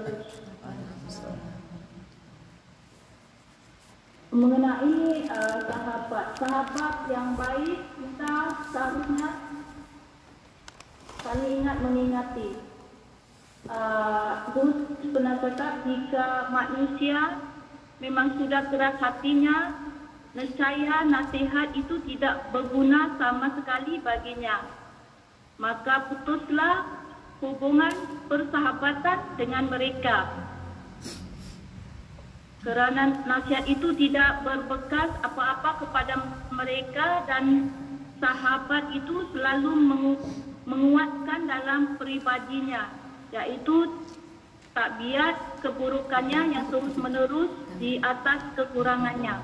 Pertanyaan saya Gus, sekiranya sahabat itu dalam dalam golongan pengajian kita, Gak mungkin kita memutuskan sa- persahabatan. Jadi apakah kita hanya berdiam diri ataupun uh, butakan mata dan pura-pura tidak tahu atau tidak menegur apa kesalahannya? Mohon nasihat. Menjauh, tidak mendekat, tidak berbicara.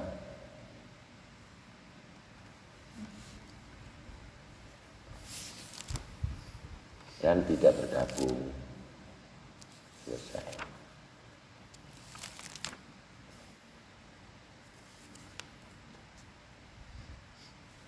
Apakah sama orang yang dolim dengan orang yang baik?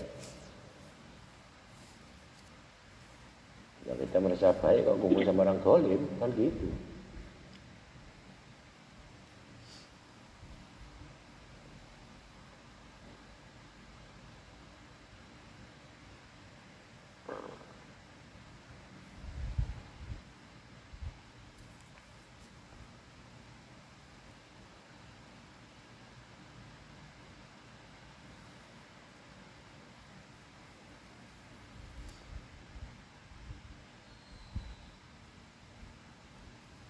Karena bergaul itu pasti cocok.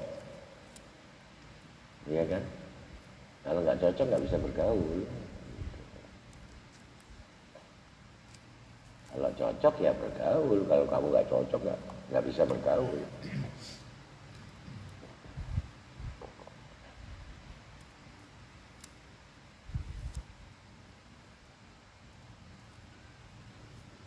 Karena kamu nggak cocok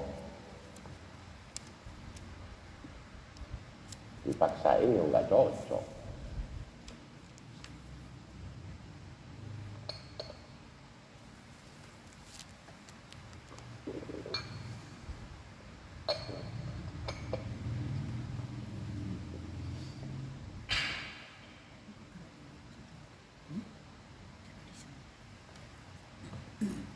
lanjut Iya, saya mau nanya. Assalamualaikum warahmatullahi wabarakatuh. Eh, kemarin kita mencatat salah satunya adalah Muhammad bin Ka'ab Al-Qurazi radhiyallahu anhu berkata ketika Nabi Sulaiman alaihissalam ber- berada di atas kendaraannya disambut oleh kaumnya lalu mereka berkata ya Rasulullah engkau telah diberi oleh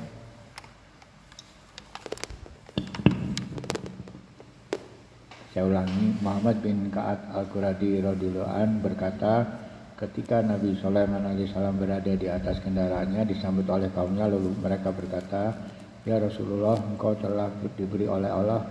Allah apa yang tidak diberikan nabi-nabi sebelumnya." Nah, sebelum saya meneruskan, ini saya pertanyaan saya, Nabi Nabi Sulaiman kok di apa dinyatakan Rasulullah gitu, oleh uh, umatnya Nabi Sulaiman. Itu alasannya apa? ya memang. Kok Rasulullah semua nabi 25 disebut Rasulullah. Yang 25 nabi selain selainnya tidak bisa Rasulullah nabi Bani Israel nabi Bani selama yang masuk di Quran itu Rasulullah tahu utusan Allah jadi saya pikir hanya Nabi Muhammad hanya Rasulullah. oh, oh. Ya, ya. Ya. Saya lanjutkan. Jawab Nabi Sulaiman, siapa yang diberi oleh Allah empat sifat, maka berarti ia telah diberi sesuatu yang lebih baik daripada yang diberikan Allah kepada Nabi ke- kepada keluarga Daud alaihissalam dari urusan dunia, yaitu takut kepada Allah baik secara sembunyi-sembunyi maupun terang-terangan dan hemat dalam kekayaan dan kemiskinan dan adil di waktu marah dan atau di ridho dan memuji Allah dalam keadaan senang dan susah. Nah pertanyaan saya ini adalah secara sembunyi-sembunyi maupun terang-terangan. Ini maksudnya bagaimana? Gus? Artinya eh, takut kepada Allah baik secara sembunyi-sembunyi maupun terang-terangan dan hemat dalam kekayaan dan kemiskinan dan adil waktu marah atau ridho dan memuji Allah dalam keadaan senang dan susah. Nah pertanyaan saya uh, takut kepada Allah baik secara sembunyi-sembunyi maupun terang-terangan. Itu maksudnya bagaimana? Orang taat takut sama Allah. Walaupun sembunyi tidak bermaksiat. Walaupun terang-terangan tidak ada satu yang disembunyikan dalam keadaan susah, menderita, miskin, melarat, kaya enggak enggak berkenaan tidak ada hubungannya. Itu semua maksiat.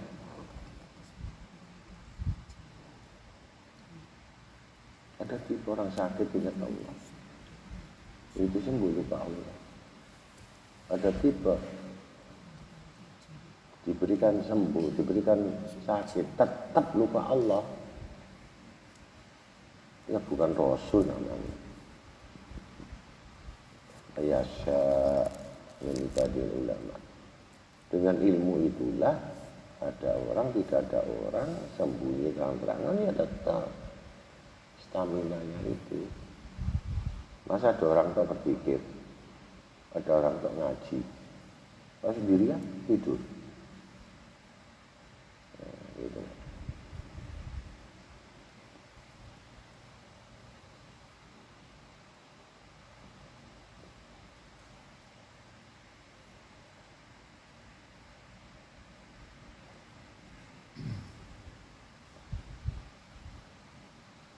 Nah, maksudnya. Maaf ya, sembunyi-sembunyi itu apakah posisi kedudukannya lebih tinggi daripada yang terang-terangan atau bagaimana? Atau sama? Kedudukan Itu dalam hal apa? Yang dibicarakan ini ketaatan. Maksudnya dengan sendiri dia taat. Dengan ramai orang dia taat. Ini kamu maksudkan apa? Lebih tinggi atau tidak tinggi itu urusan Allah. Bukan urusan kita gitu loh. Oh, kamu milih ini lebih baik, ini lebih baik. Bukan begitu orang taat itu.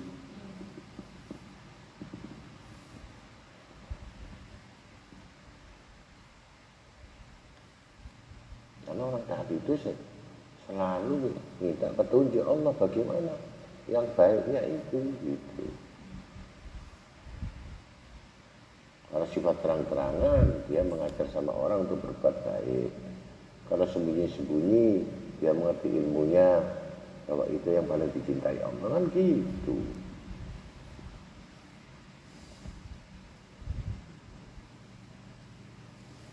Makanya iblis lebih halus lagi. Nah kalau syahwat yang dikeluarin, apa nggak jatuh? Hina martabatnya dia.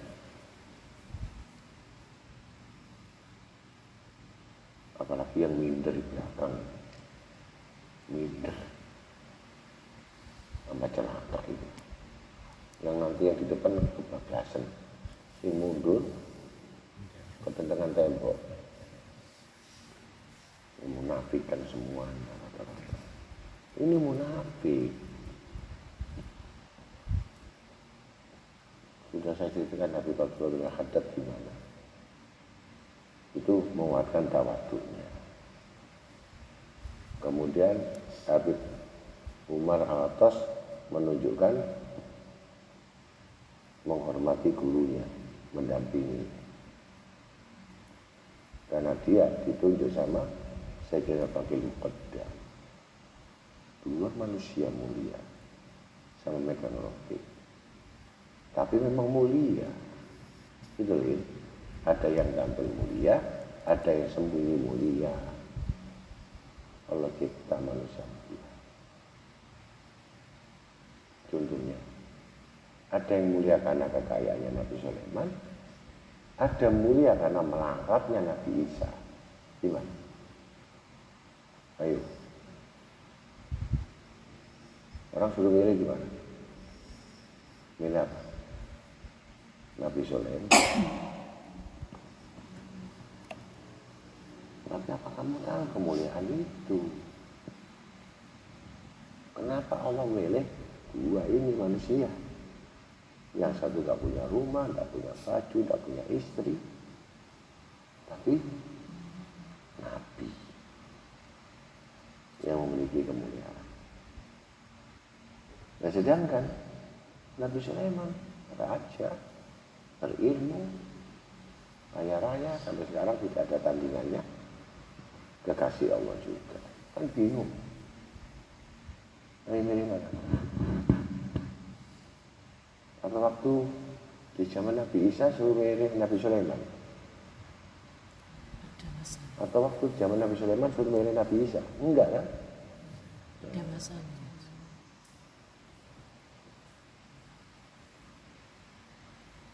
maka semua sifat Nabi itu 25 itu dihabisi semua ada di otak jiwa Nabi Muhammad SAW.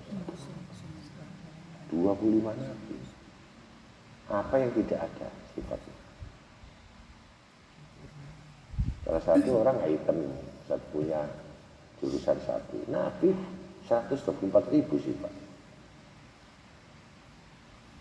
penyatuan dirinya dengan alam bagaimana nggak mampu mungkin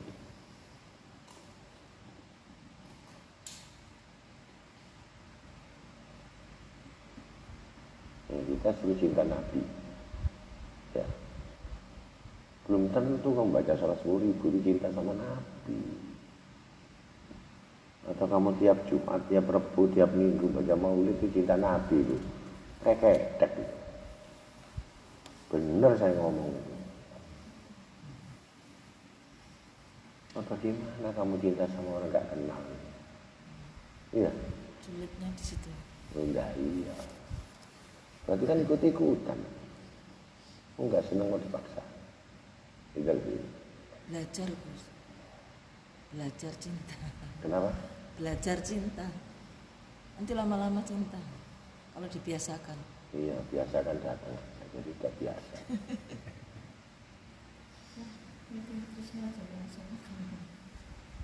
Dia tahu orang-orang betul cinta sama Rasul sama tidak juga. Jadi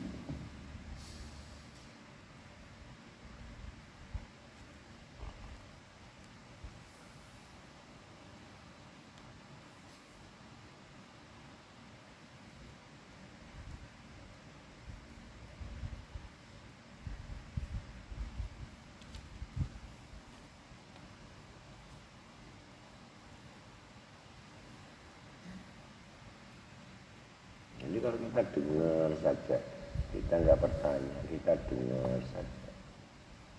Terus kapan kamu paham?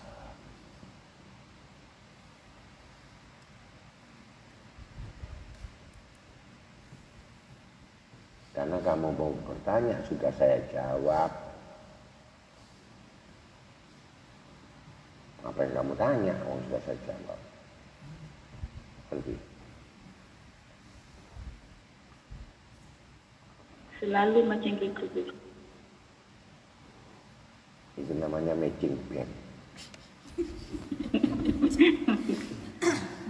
Versi.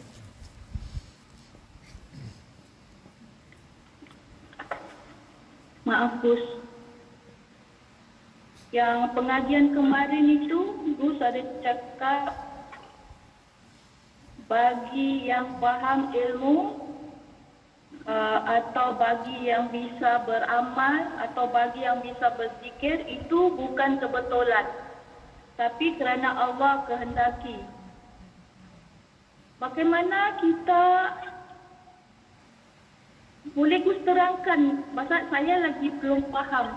Bagaimana Allah, kita sudah coba, tapi kalau Allah tidak kehendaki, langsung apa yang kita harus lakukan?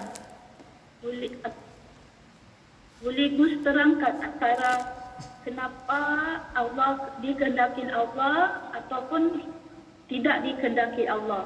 Kalau kita ber, ber, memaksa melakukan amalan itu dan tidak bisa. Jadi bagaimana kita boleh uh, boleh memahami dan tahu kedudukan kita. boleh Apakah terangkan kamu lebih lanjut. apakah kamu selalu berdoa minta tolong pada Allah selalu ingat pernah minta doa minta tolong seperti itu Pernah ada baca yang suruh memahami ilmu itu kan ada yang yang itu ada ada doanya. Saya tanya, apa pernah lima kali satu hari minta tolong? Allahumma a'inni ala bidikrika wa syukrika wa husni fi ibadatik. Baca itu tujuh kali atau tiga kali. Tiap sholat lima waktu. Tidak tiap sholat. Selalunya maghrib dengan subuh. Bikin lima waktu di kantor sehingga kamu selalu meminta tolong kepada Tuhanmu agar bisa berpikir. Kalau sesuatu nggak pernah diminta, bagaimana mau berpikir? Bagaimana mau diberi? Wong tidak pernah minta, gitu loh, ngerti nggak?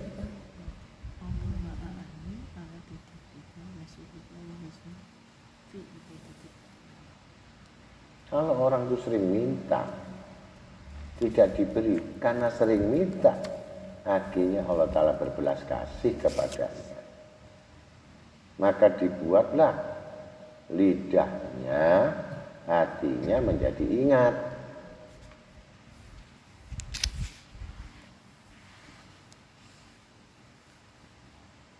Jadi kalau orang nggak pernah berdoa,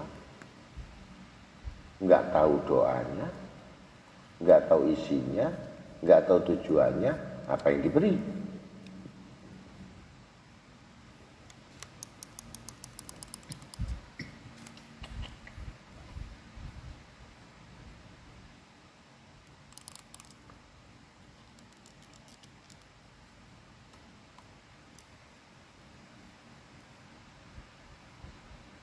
Jadi kita sadar kalau kita tidak dikehendaki Allah Ta'ala.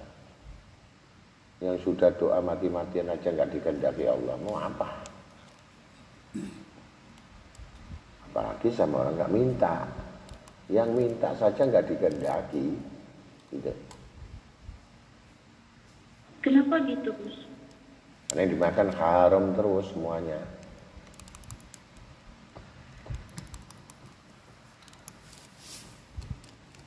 Taat dicampur maksiat itu. Bagaimana Allah Ta'ala nolong dia, gitu loh. Orang minta itu harus taat, harus suci, harus ya membersihkan sifat dohir, batin, kumpul sama orang soleh, kumpul orang baik-baik.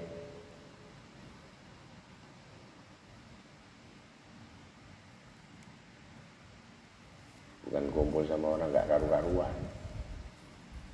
Tapi minta jadi orang soleh, minta jadi orang ahli pikir, bagaimana bisa?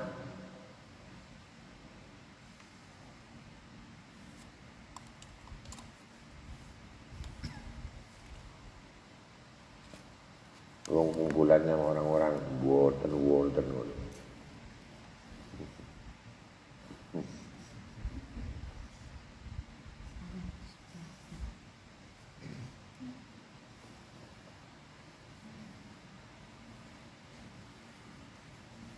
Itu penting.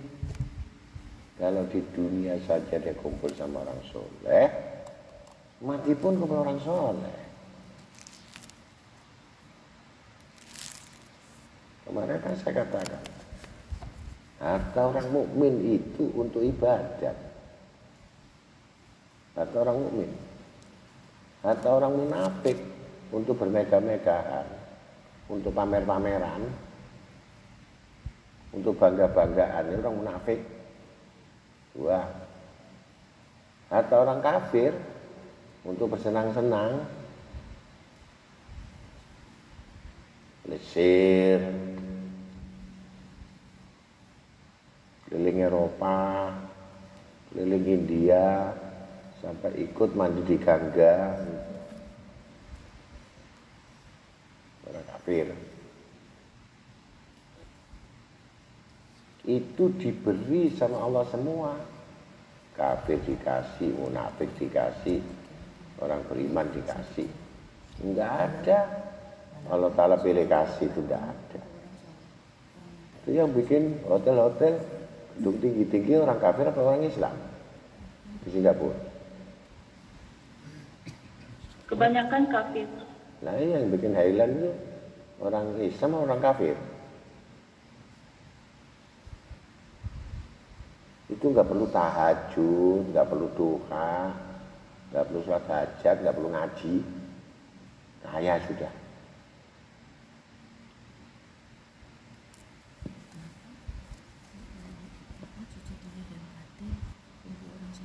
Oh, sudah ditakdirkan kaya. Betul?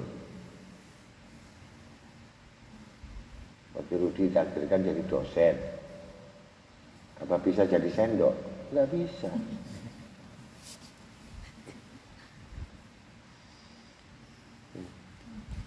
Belum iya.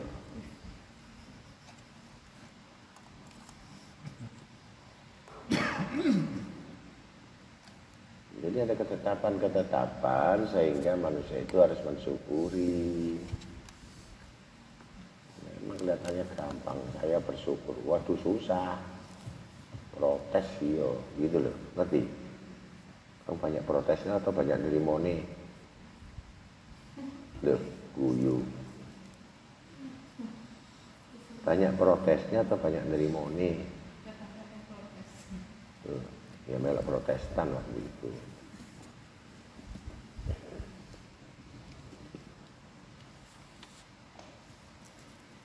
Jadi Guru cuma mengarahkan aja petunjuk ini, petunjuk ini, yang bisa ini, ini, ini. Ini paket kamu, ini paket kamu, ini paket kamu, gitu aja. Saya nggak ikut apa-apa.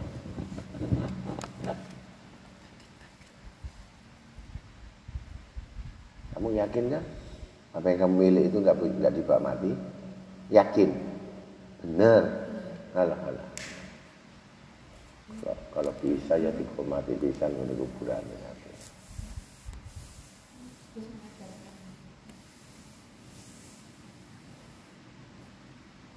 Kita sudah nggak kurang-kurang mengajarnya.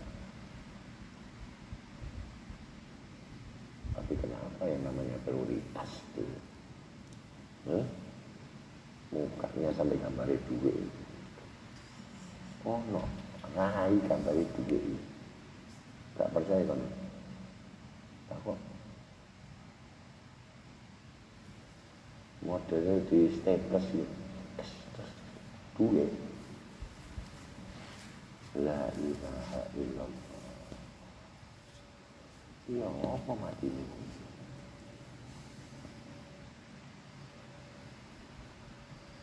Bahaya atau tidak? Ya Quran api masih rusak dong ini alif lam mim ini yasin tapi Wis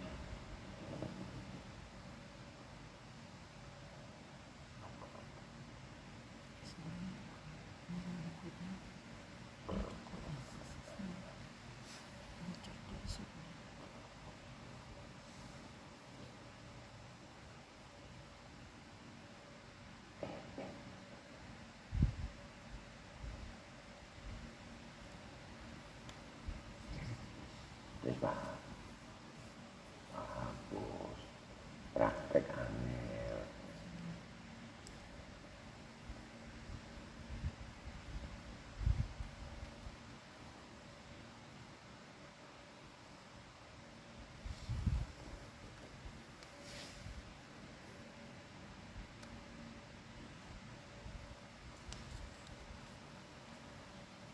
Kita pikir dengan semangat, ibadah semangat. Tapi satu tujuannya. Hanya orang nggak ngerti pada tujuannya. Akhirat. Banyak salah ibadat untuk dunia ini. Salah apa enggak? Rud.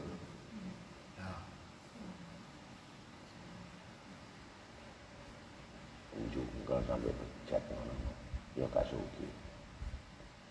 Rugi enggak? Wis seru nek sembahyang gak iso sugi.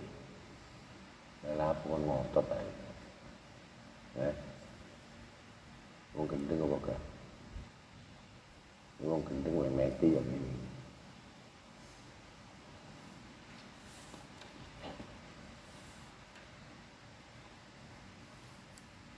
Yaitu orang menginginkan surga tanpa amal. Dia takut sama neraka, tapi jalannya masuk neraka. Ngen. Quran ini kelihatannya akhirat, tapi ternyata bukan tujuan akhirat. Untuk mendapatkan dunia, aku berikan cukup sedikit saja yang bisa dinikmati. Sisanya siksa. Ya, ya Allah. Gak paham Al-Quran. Enggak. Wiridan kusuk-kusukan ngono ya kalah di sini. Mulai jam 8 kata Quran sampai jam 4. Hmm? Kusukan dia apa?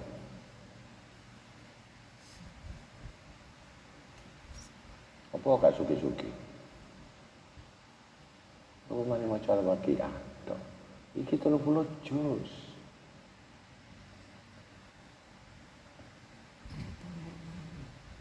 Terus artinya kenapa Gus? Terus mereka baca Al-Quran kok nggak kaya-kaya mereka yang maksudnya memaknai dari sisi yang bagaimana Gus? Gus kalau juga baca Quran sehari 30 juz tapi kok nggak kaya-kaya Iya. mereka memaknainya kata Gus kaya yang seperti apa Gus? Pertama hatinya nggak kaya. Hati kan kaya itu kan hati.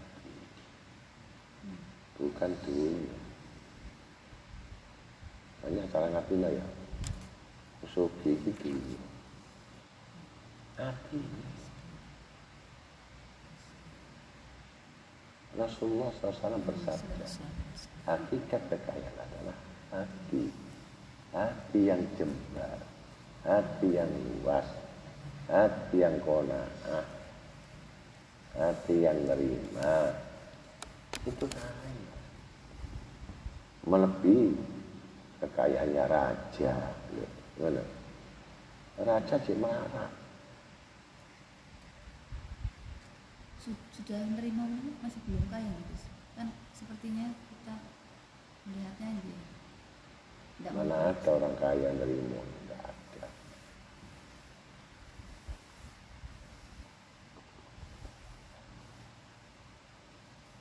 Raja Brunei 70 ribu mobil. Dari mulai pos sampai Rolls Royce. Hmm? sampai mobil plastik.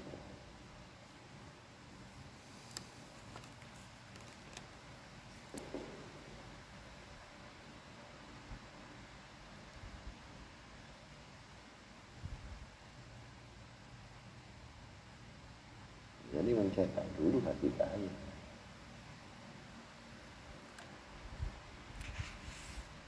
Kalau semakin banyak keinginan, berarti semakin melarat sekarang. Gak kabul kan. Yang nggak pernah lihat orang yang ingin suki-suki nggak ada. Hmm. Ini Sasuke ono. Tuh Lamborghini situ guys. Waduh, pasang sabra. Sing di pabrik mangan bakso. Sing di pabrik Lamborghini lho. Gak ngomong aku di pabrik.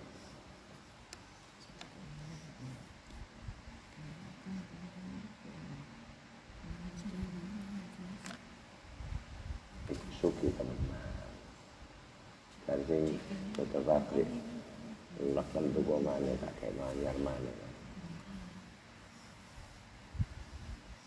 Sate sing duwe pabrik kata numpak Lamborghini. Tambah ngene Jogja numpak dokar. karena nggak punya dokar Hmm? Karena nggak punya dokar. Enggak punya. Kayak lampu mana ya. Iya lah.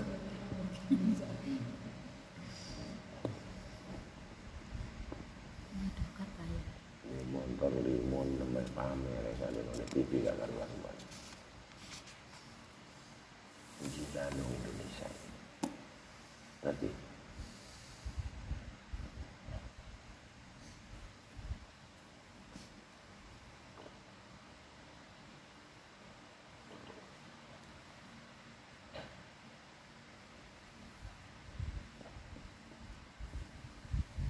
Ayo.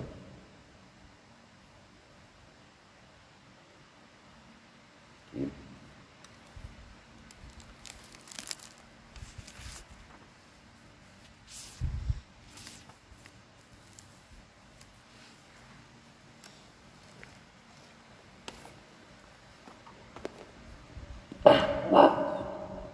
Assalamualaikum warahmatullahi wabarakatuh. Eh, berkaitan dengan bab usaha kasab Abu Lais radhiyallahu an meriwayatkan dengan sanadnya dari Sabit al Bunani radhiyallahu an. Eh, afiah kesejahteraan itu ada 10 Sembilan darinya diperoleh dari dalam diam dan satu diperoleh dari menjauhkan diri dari pergaulan orang banyak. Sedangkan ibadah itu ada 10 bagian juga, tapi sembilan darinya ada dalam usaha mencari rezeki dan satu ada dalam perilaku ibadah. Pertanyaannya Gus, eh, yang pertama adalah afiah yang dimaksud dengan afiah itu sehat nih Gus, sehat, sejahtera. Itu dilihat dari diam dan menjauhkan diri dari pergaulan. Sementara kalau ibadah itu ada dalam usaha mencari rezeki dan perilaku ibadah. Mohon pemahaman ya Gus. Pemahaman. Pemahaman. Afiah kesejahteraan itu diperoleh dari diam. Iya mensyukuri.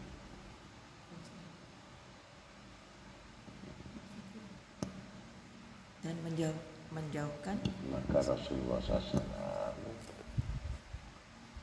mintalah kepada Allah itu afiah. Nggak ada perintah mintalah kamu kaya enggak. Afiah kesejahteraan kenapa Gus? Artinya sejahtera itu selamat. Apa artinya kamu punya banyak uang? Apa artinya kamu rumahmu ada kolam renangnya? Mau kamu gak pernah nyemplung kolam renang? Kalau ambil hari gini nggak kali belumbang oleh iwak. Tapi ya, kamu pernah tenang. Saya nggak pernah melihat orang yang mikir dunia, ya, mikir harta, mikir mobil, mikir masa depan itu tenang, nggak pernah lihat. Saya nggak pernah lihat. Tapi orang yang bebas, dia selalu bersyukur.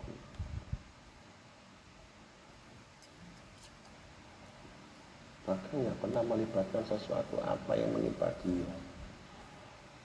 Dia kuatkan afiahnya itu.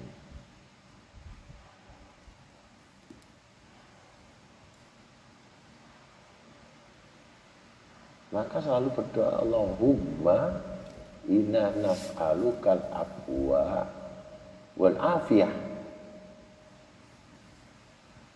wal mu'afata daimah fid din wad dunya wal akhirah. Itu dibaca terus. Bukan ditulis masuk nosorokan.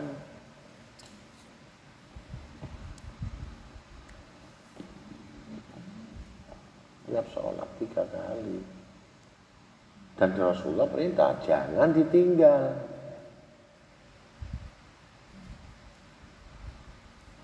Kalau kamu tinggal berarti kamu nggak taat sama Rasulullah. Berarti kamu mencari lainnya. Apalagi niat nggak menghafalkan. Berarti meremehkan Allah, meremehkan Rasul.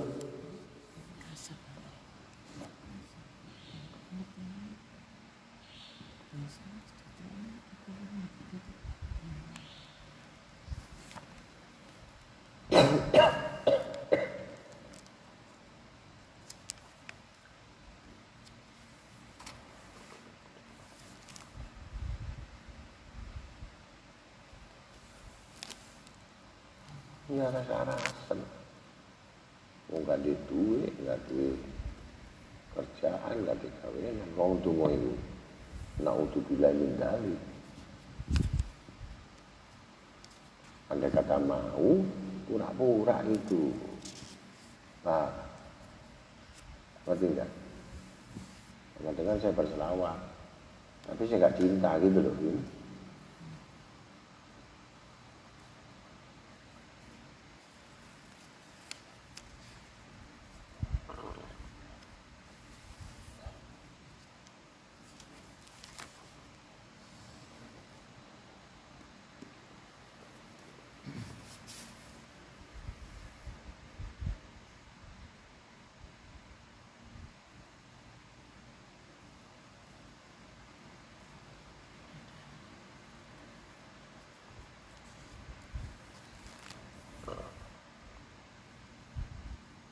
Sudah paham? Ayo, 10 menit lagi. Kemudian yang tadi Gus yang ibadah, ibadah itu ada 10 bagian. Sembilan darinya ada dalam usaha mencari rezeki. Apa ini yang dimaksud bekerja itu ibadah sebagai ibadah? Artinya ibadah itu kan 10 bagian, hanya satu yang yang merupakan perilaku ibadah, sembilan itu yang yang mencari rezeki. Maksudnya bagaimana ikhtiar. lanjut. Lebih banyak lebih banyak di apa bagian rezeki itu daripada ibadah yang Ya, sesungguhnya? Ya, iya, kamu tuh bicara rezeki atau bicara doa. bab kasab kasab bab Bangun topung di gunung. Sampai 30 tahun. Ya gak iso. Apa Jibril gua emas ngono. Nyepi no. Belas. Padahal kalau pesugihan.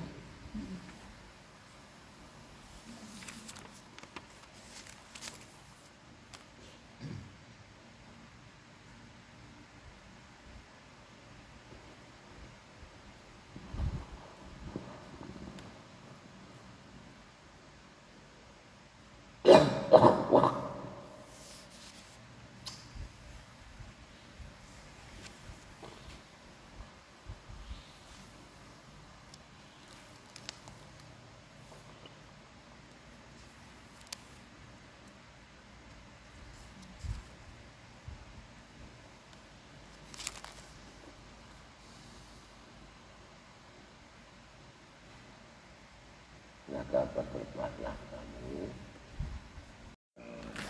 bawa syarat sampai sulit. Besok lagi dia nggak tahu lagi dua. Itulah Allah memikirkan rezekinya asal orang mau usaha.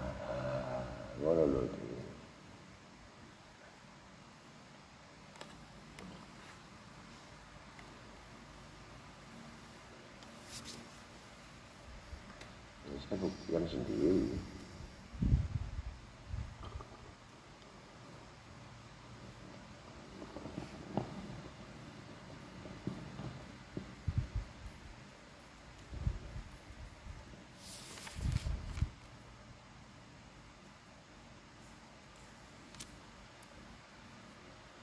Ayo Ran. Lima menit lagi. Nih kau masuk lagi.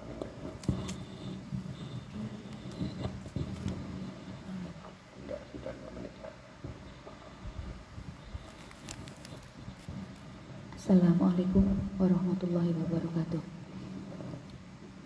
Rasulullah Shallallahu Alaihi Wasallam bersabda, siapa yang menanam tanaman atau pohon, lalu dimakan oleh manusia atau binatang atau burung atau binatang buas, maka itu merupakan sodakohnya. Apa? Itu merupakan sodakohnya. Terus yang ingin dalam tanyakan ketika kita menanam tapi dicuri oleh ol- orang, itu secara otomatis menjadi sodakoh kita atau bagaimana Gus? Iya, sama. Jadi misalkan kita apa istilahnya Gus getun atau kecewa, oh dicuri orang, itu berlaku hukum bagaimana Gus? Menjadi sodakoh kita atau hilang Gus? Tetap dihitung sama Allah dan akan dikembalikan.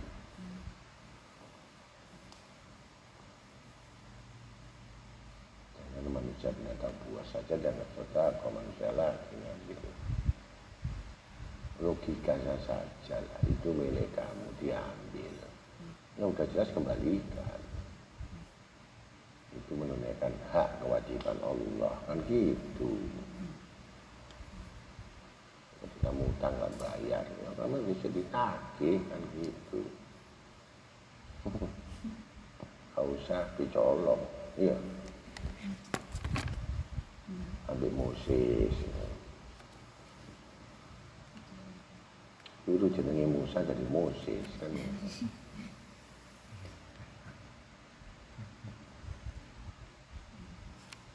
Apalagi kamu tahu itu orang itu kita, itu bohong sama kita. Kenapa saya kasih terus?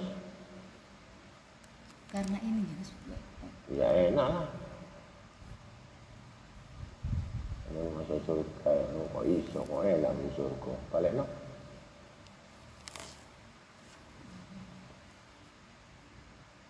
Gitu. Harus tahu, harus cerdas itu. Bukan ngamuk.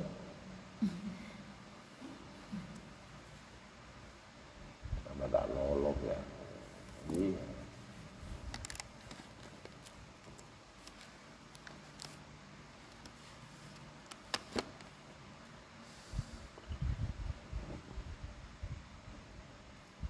Ya, terus ngaji, ya kan? Subhanallah bihamdika asyhadu an la ilaha illa anta astaghfiruka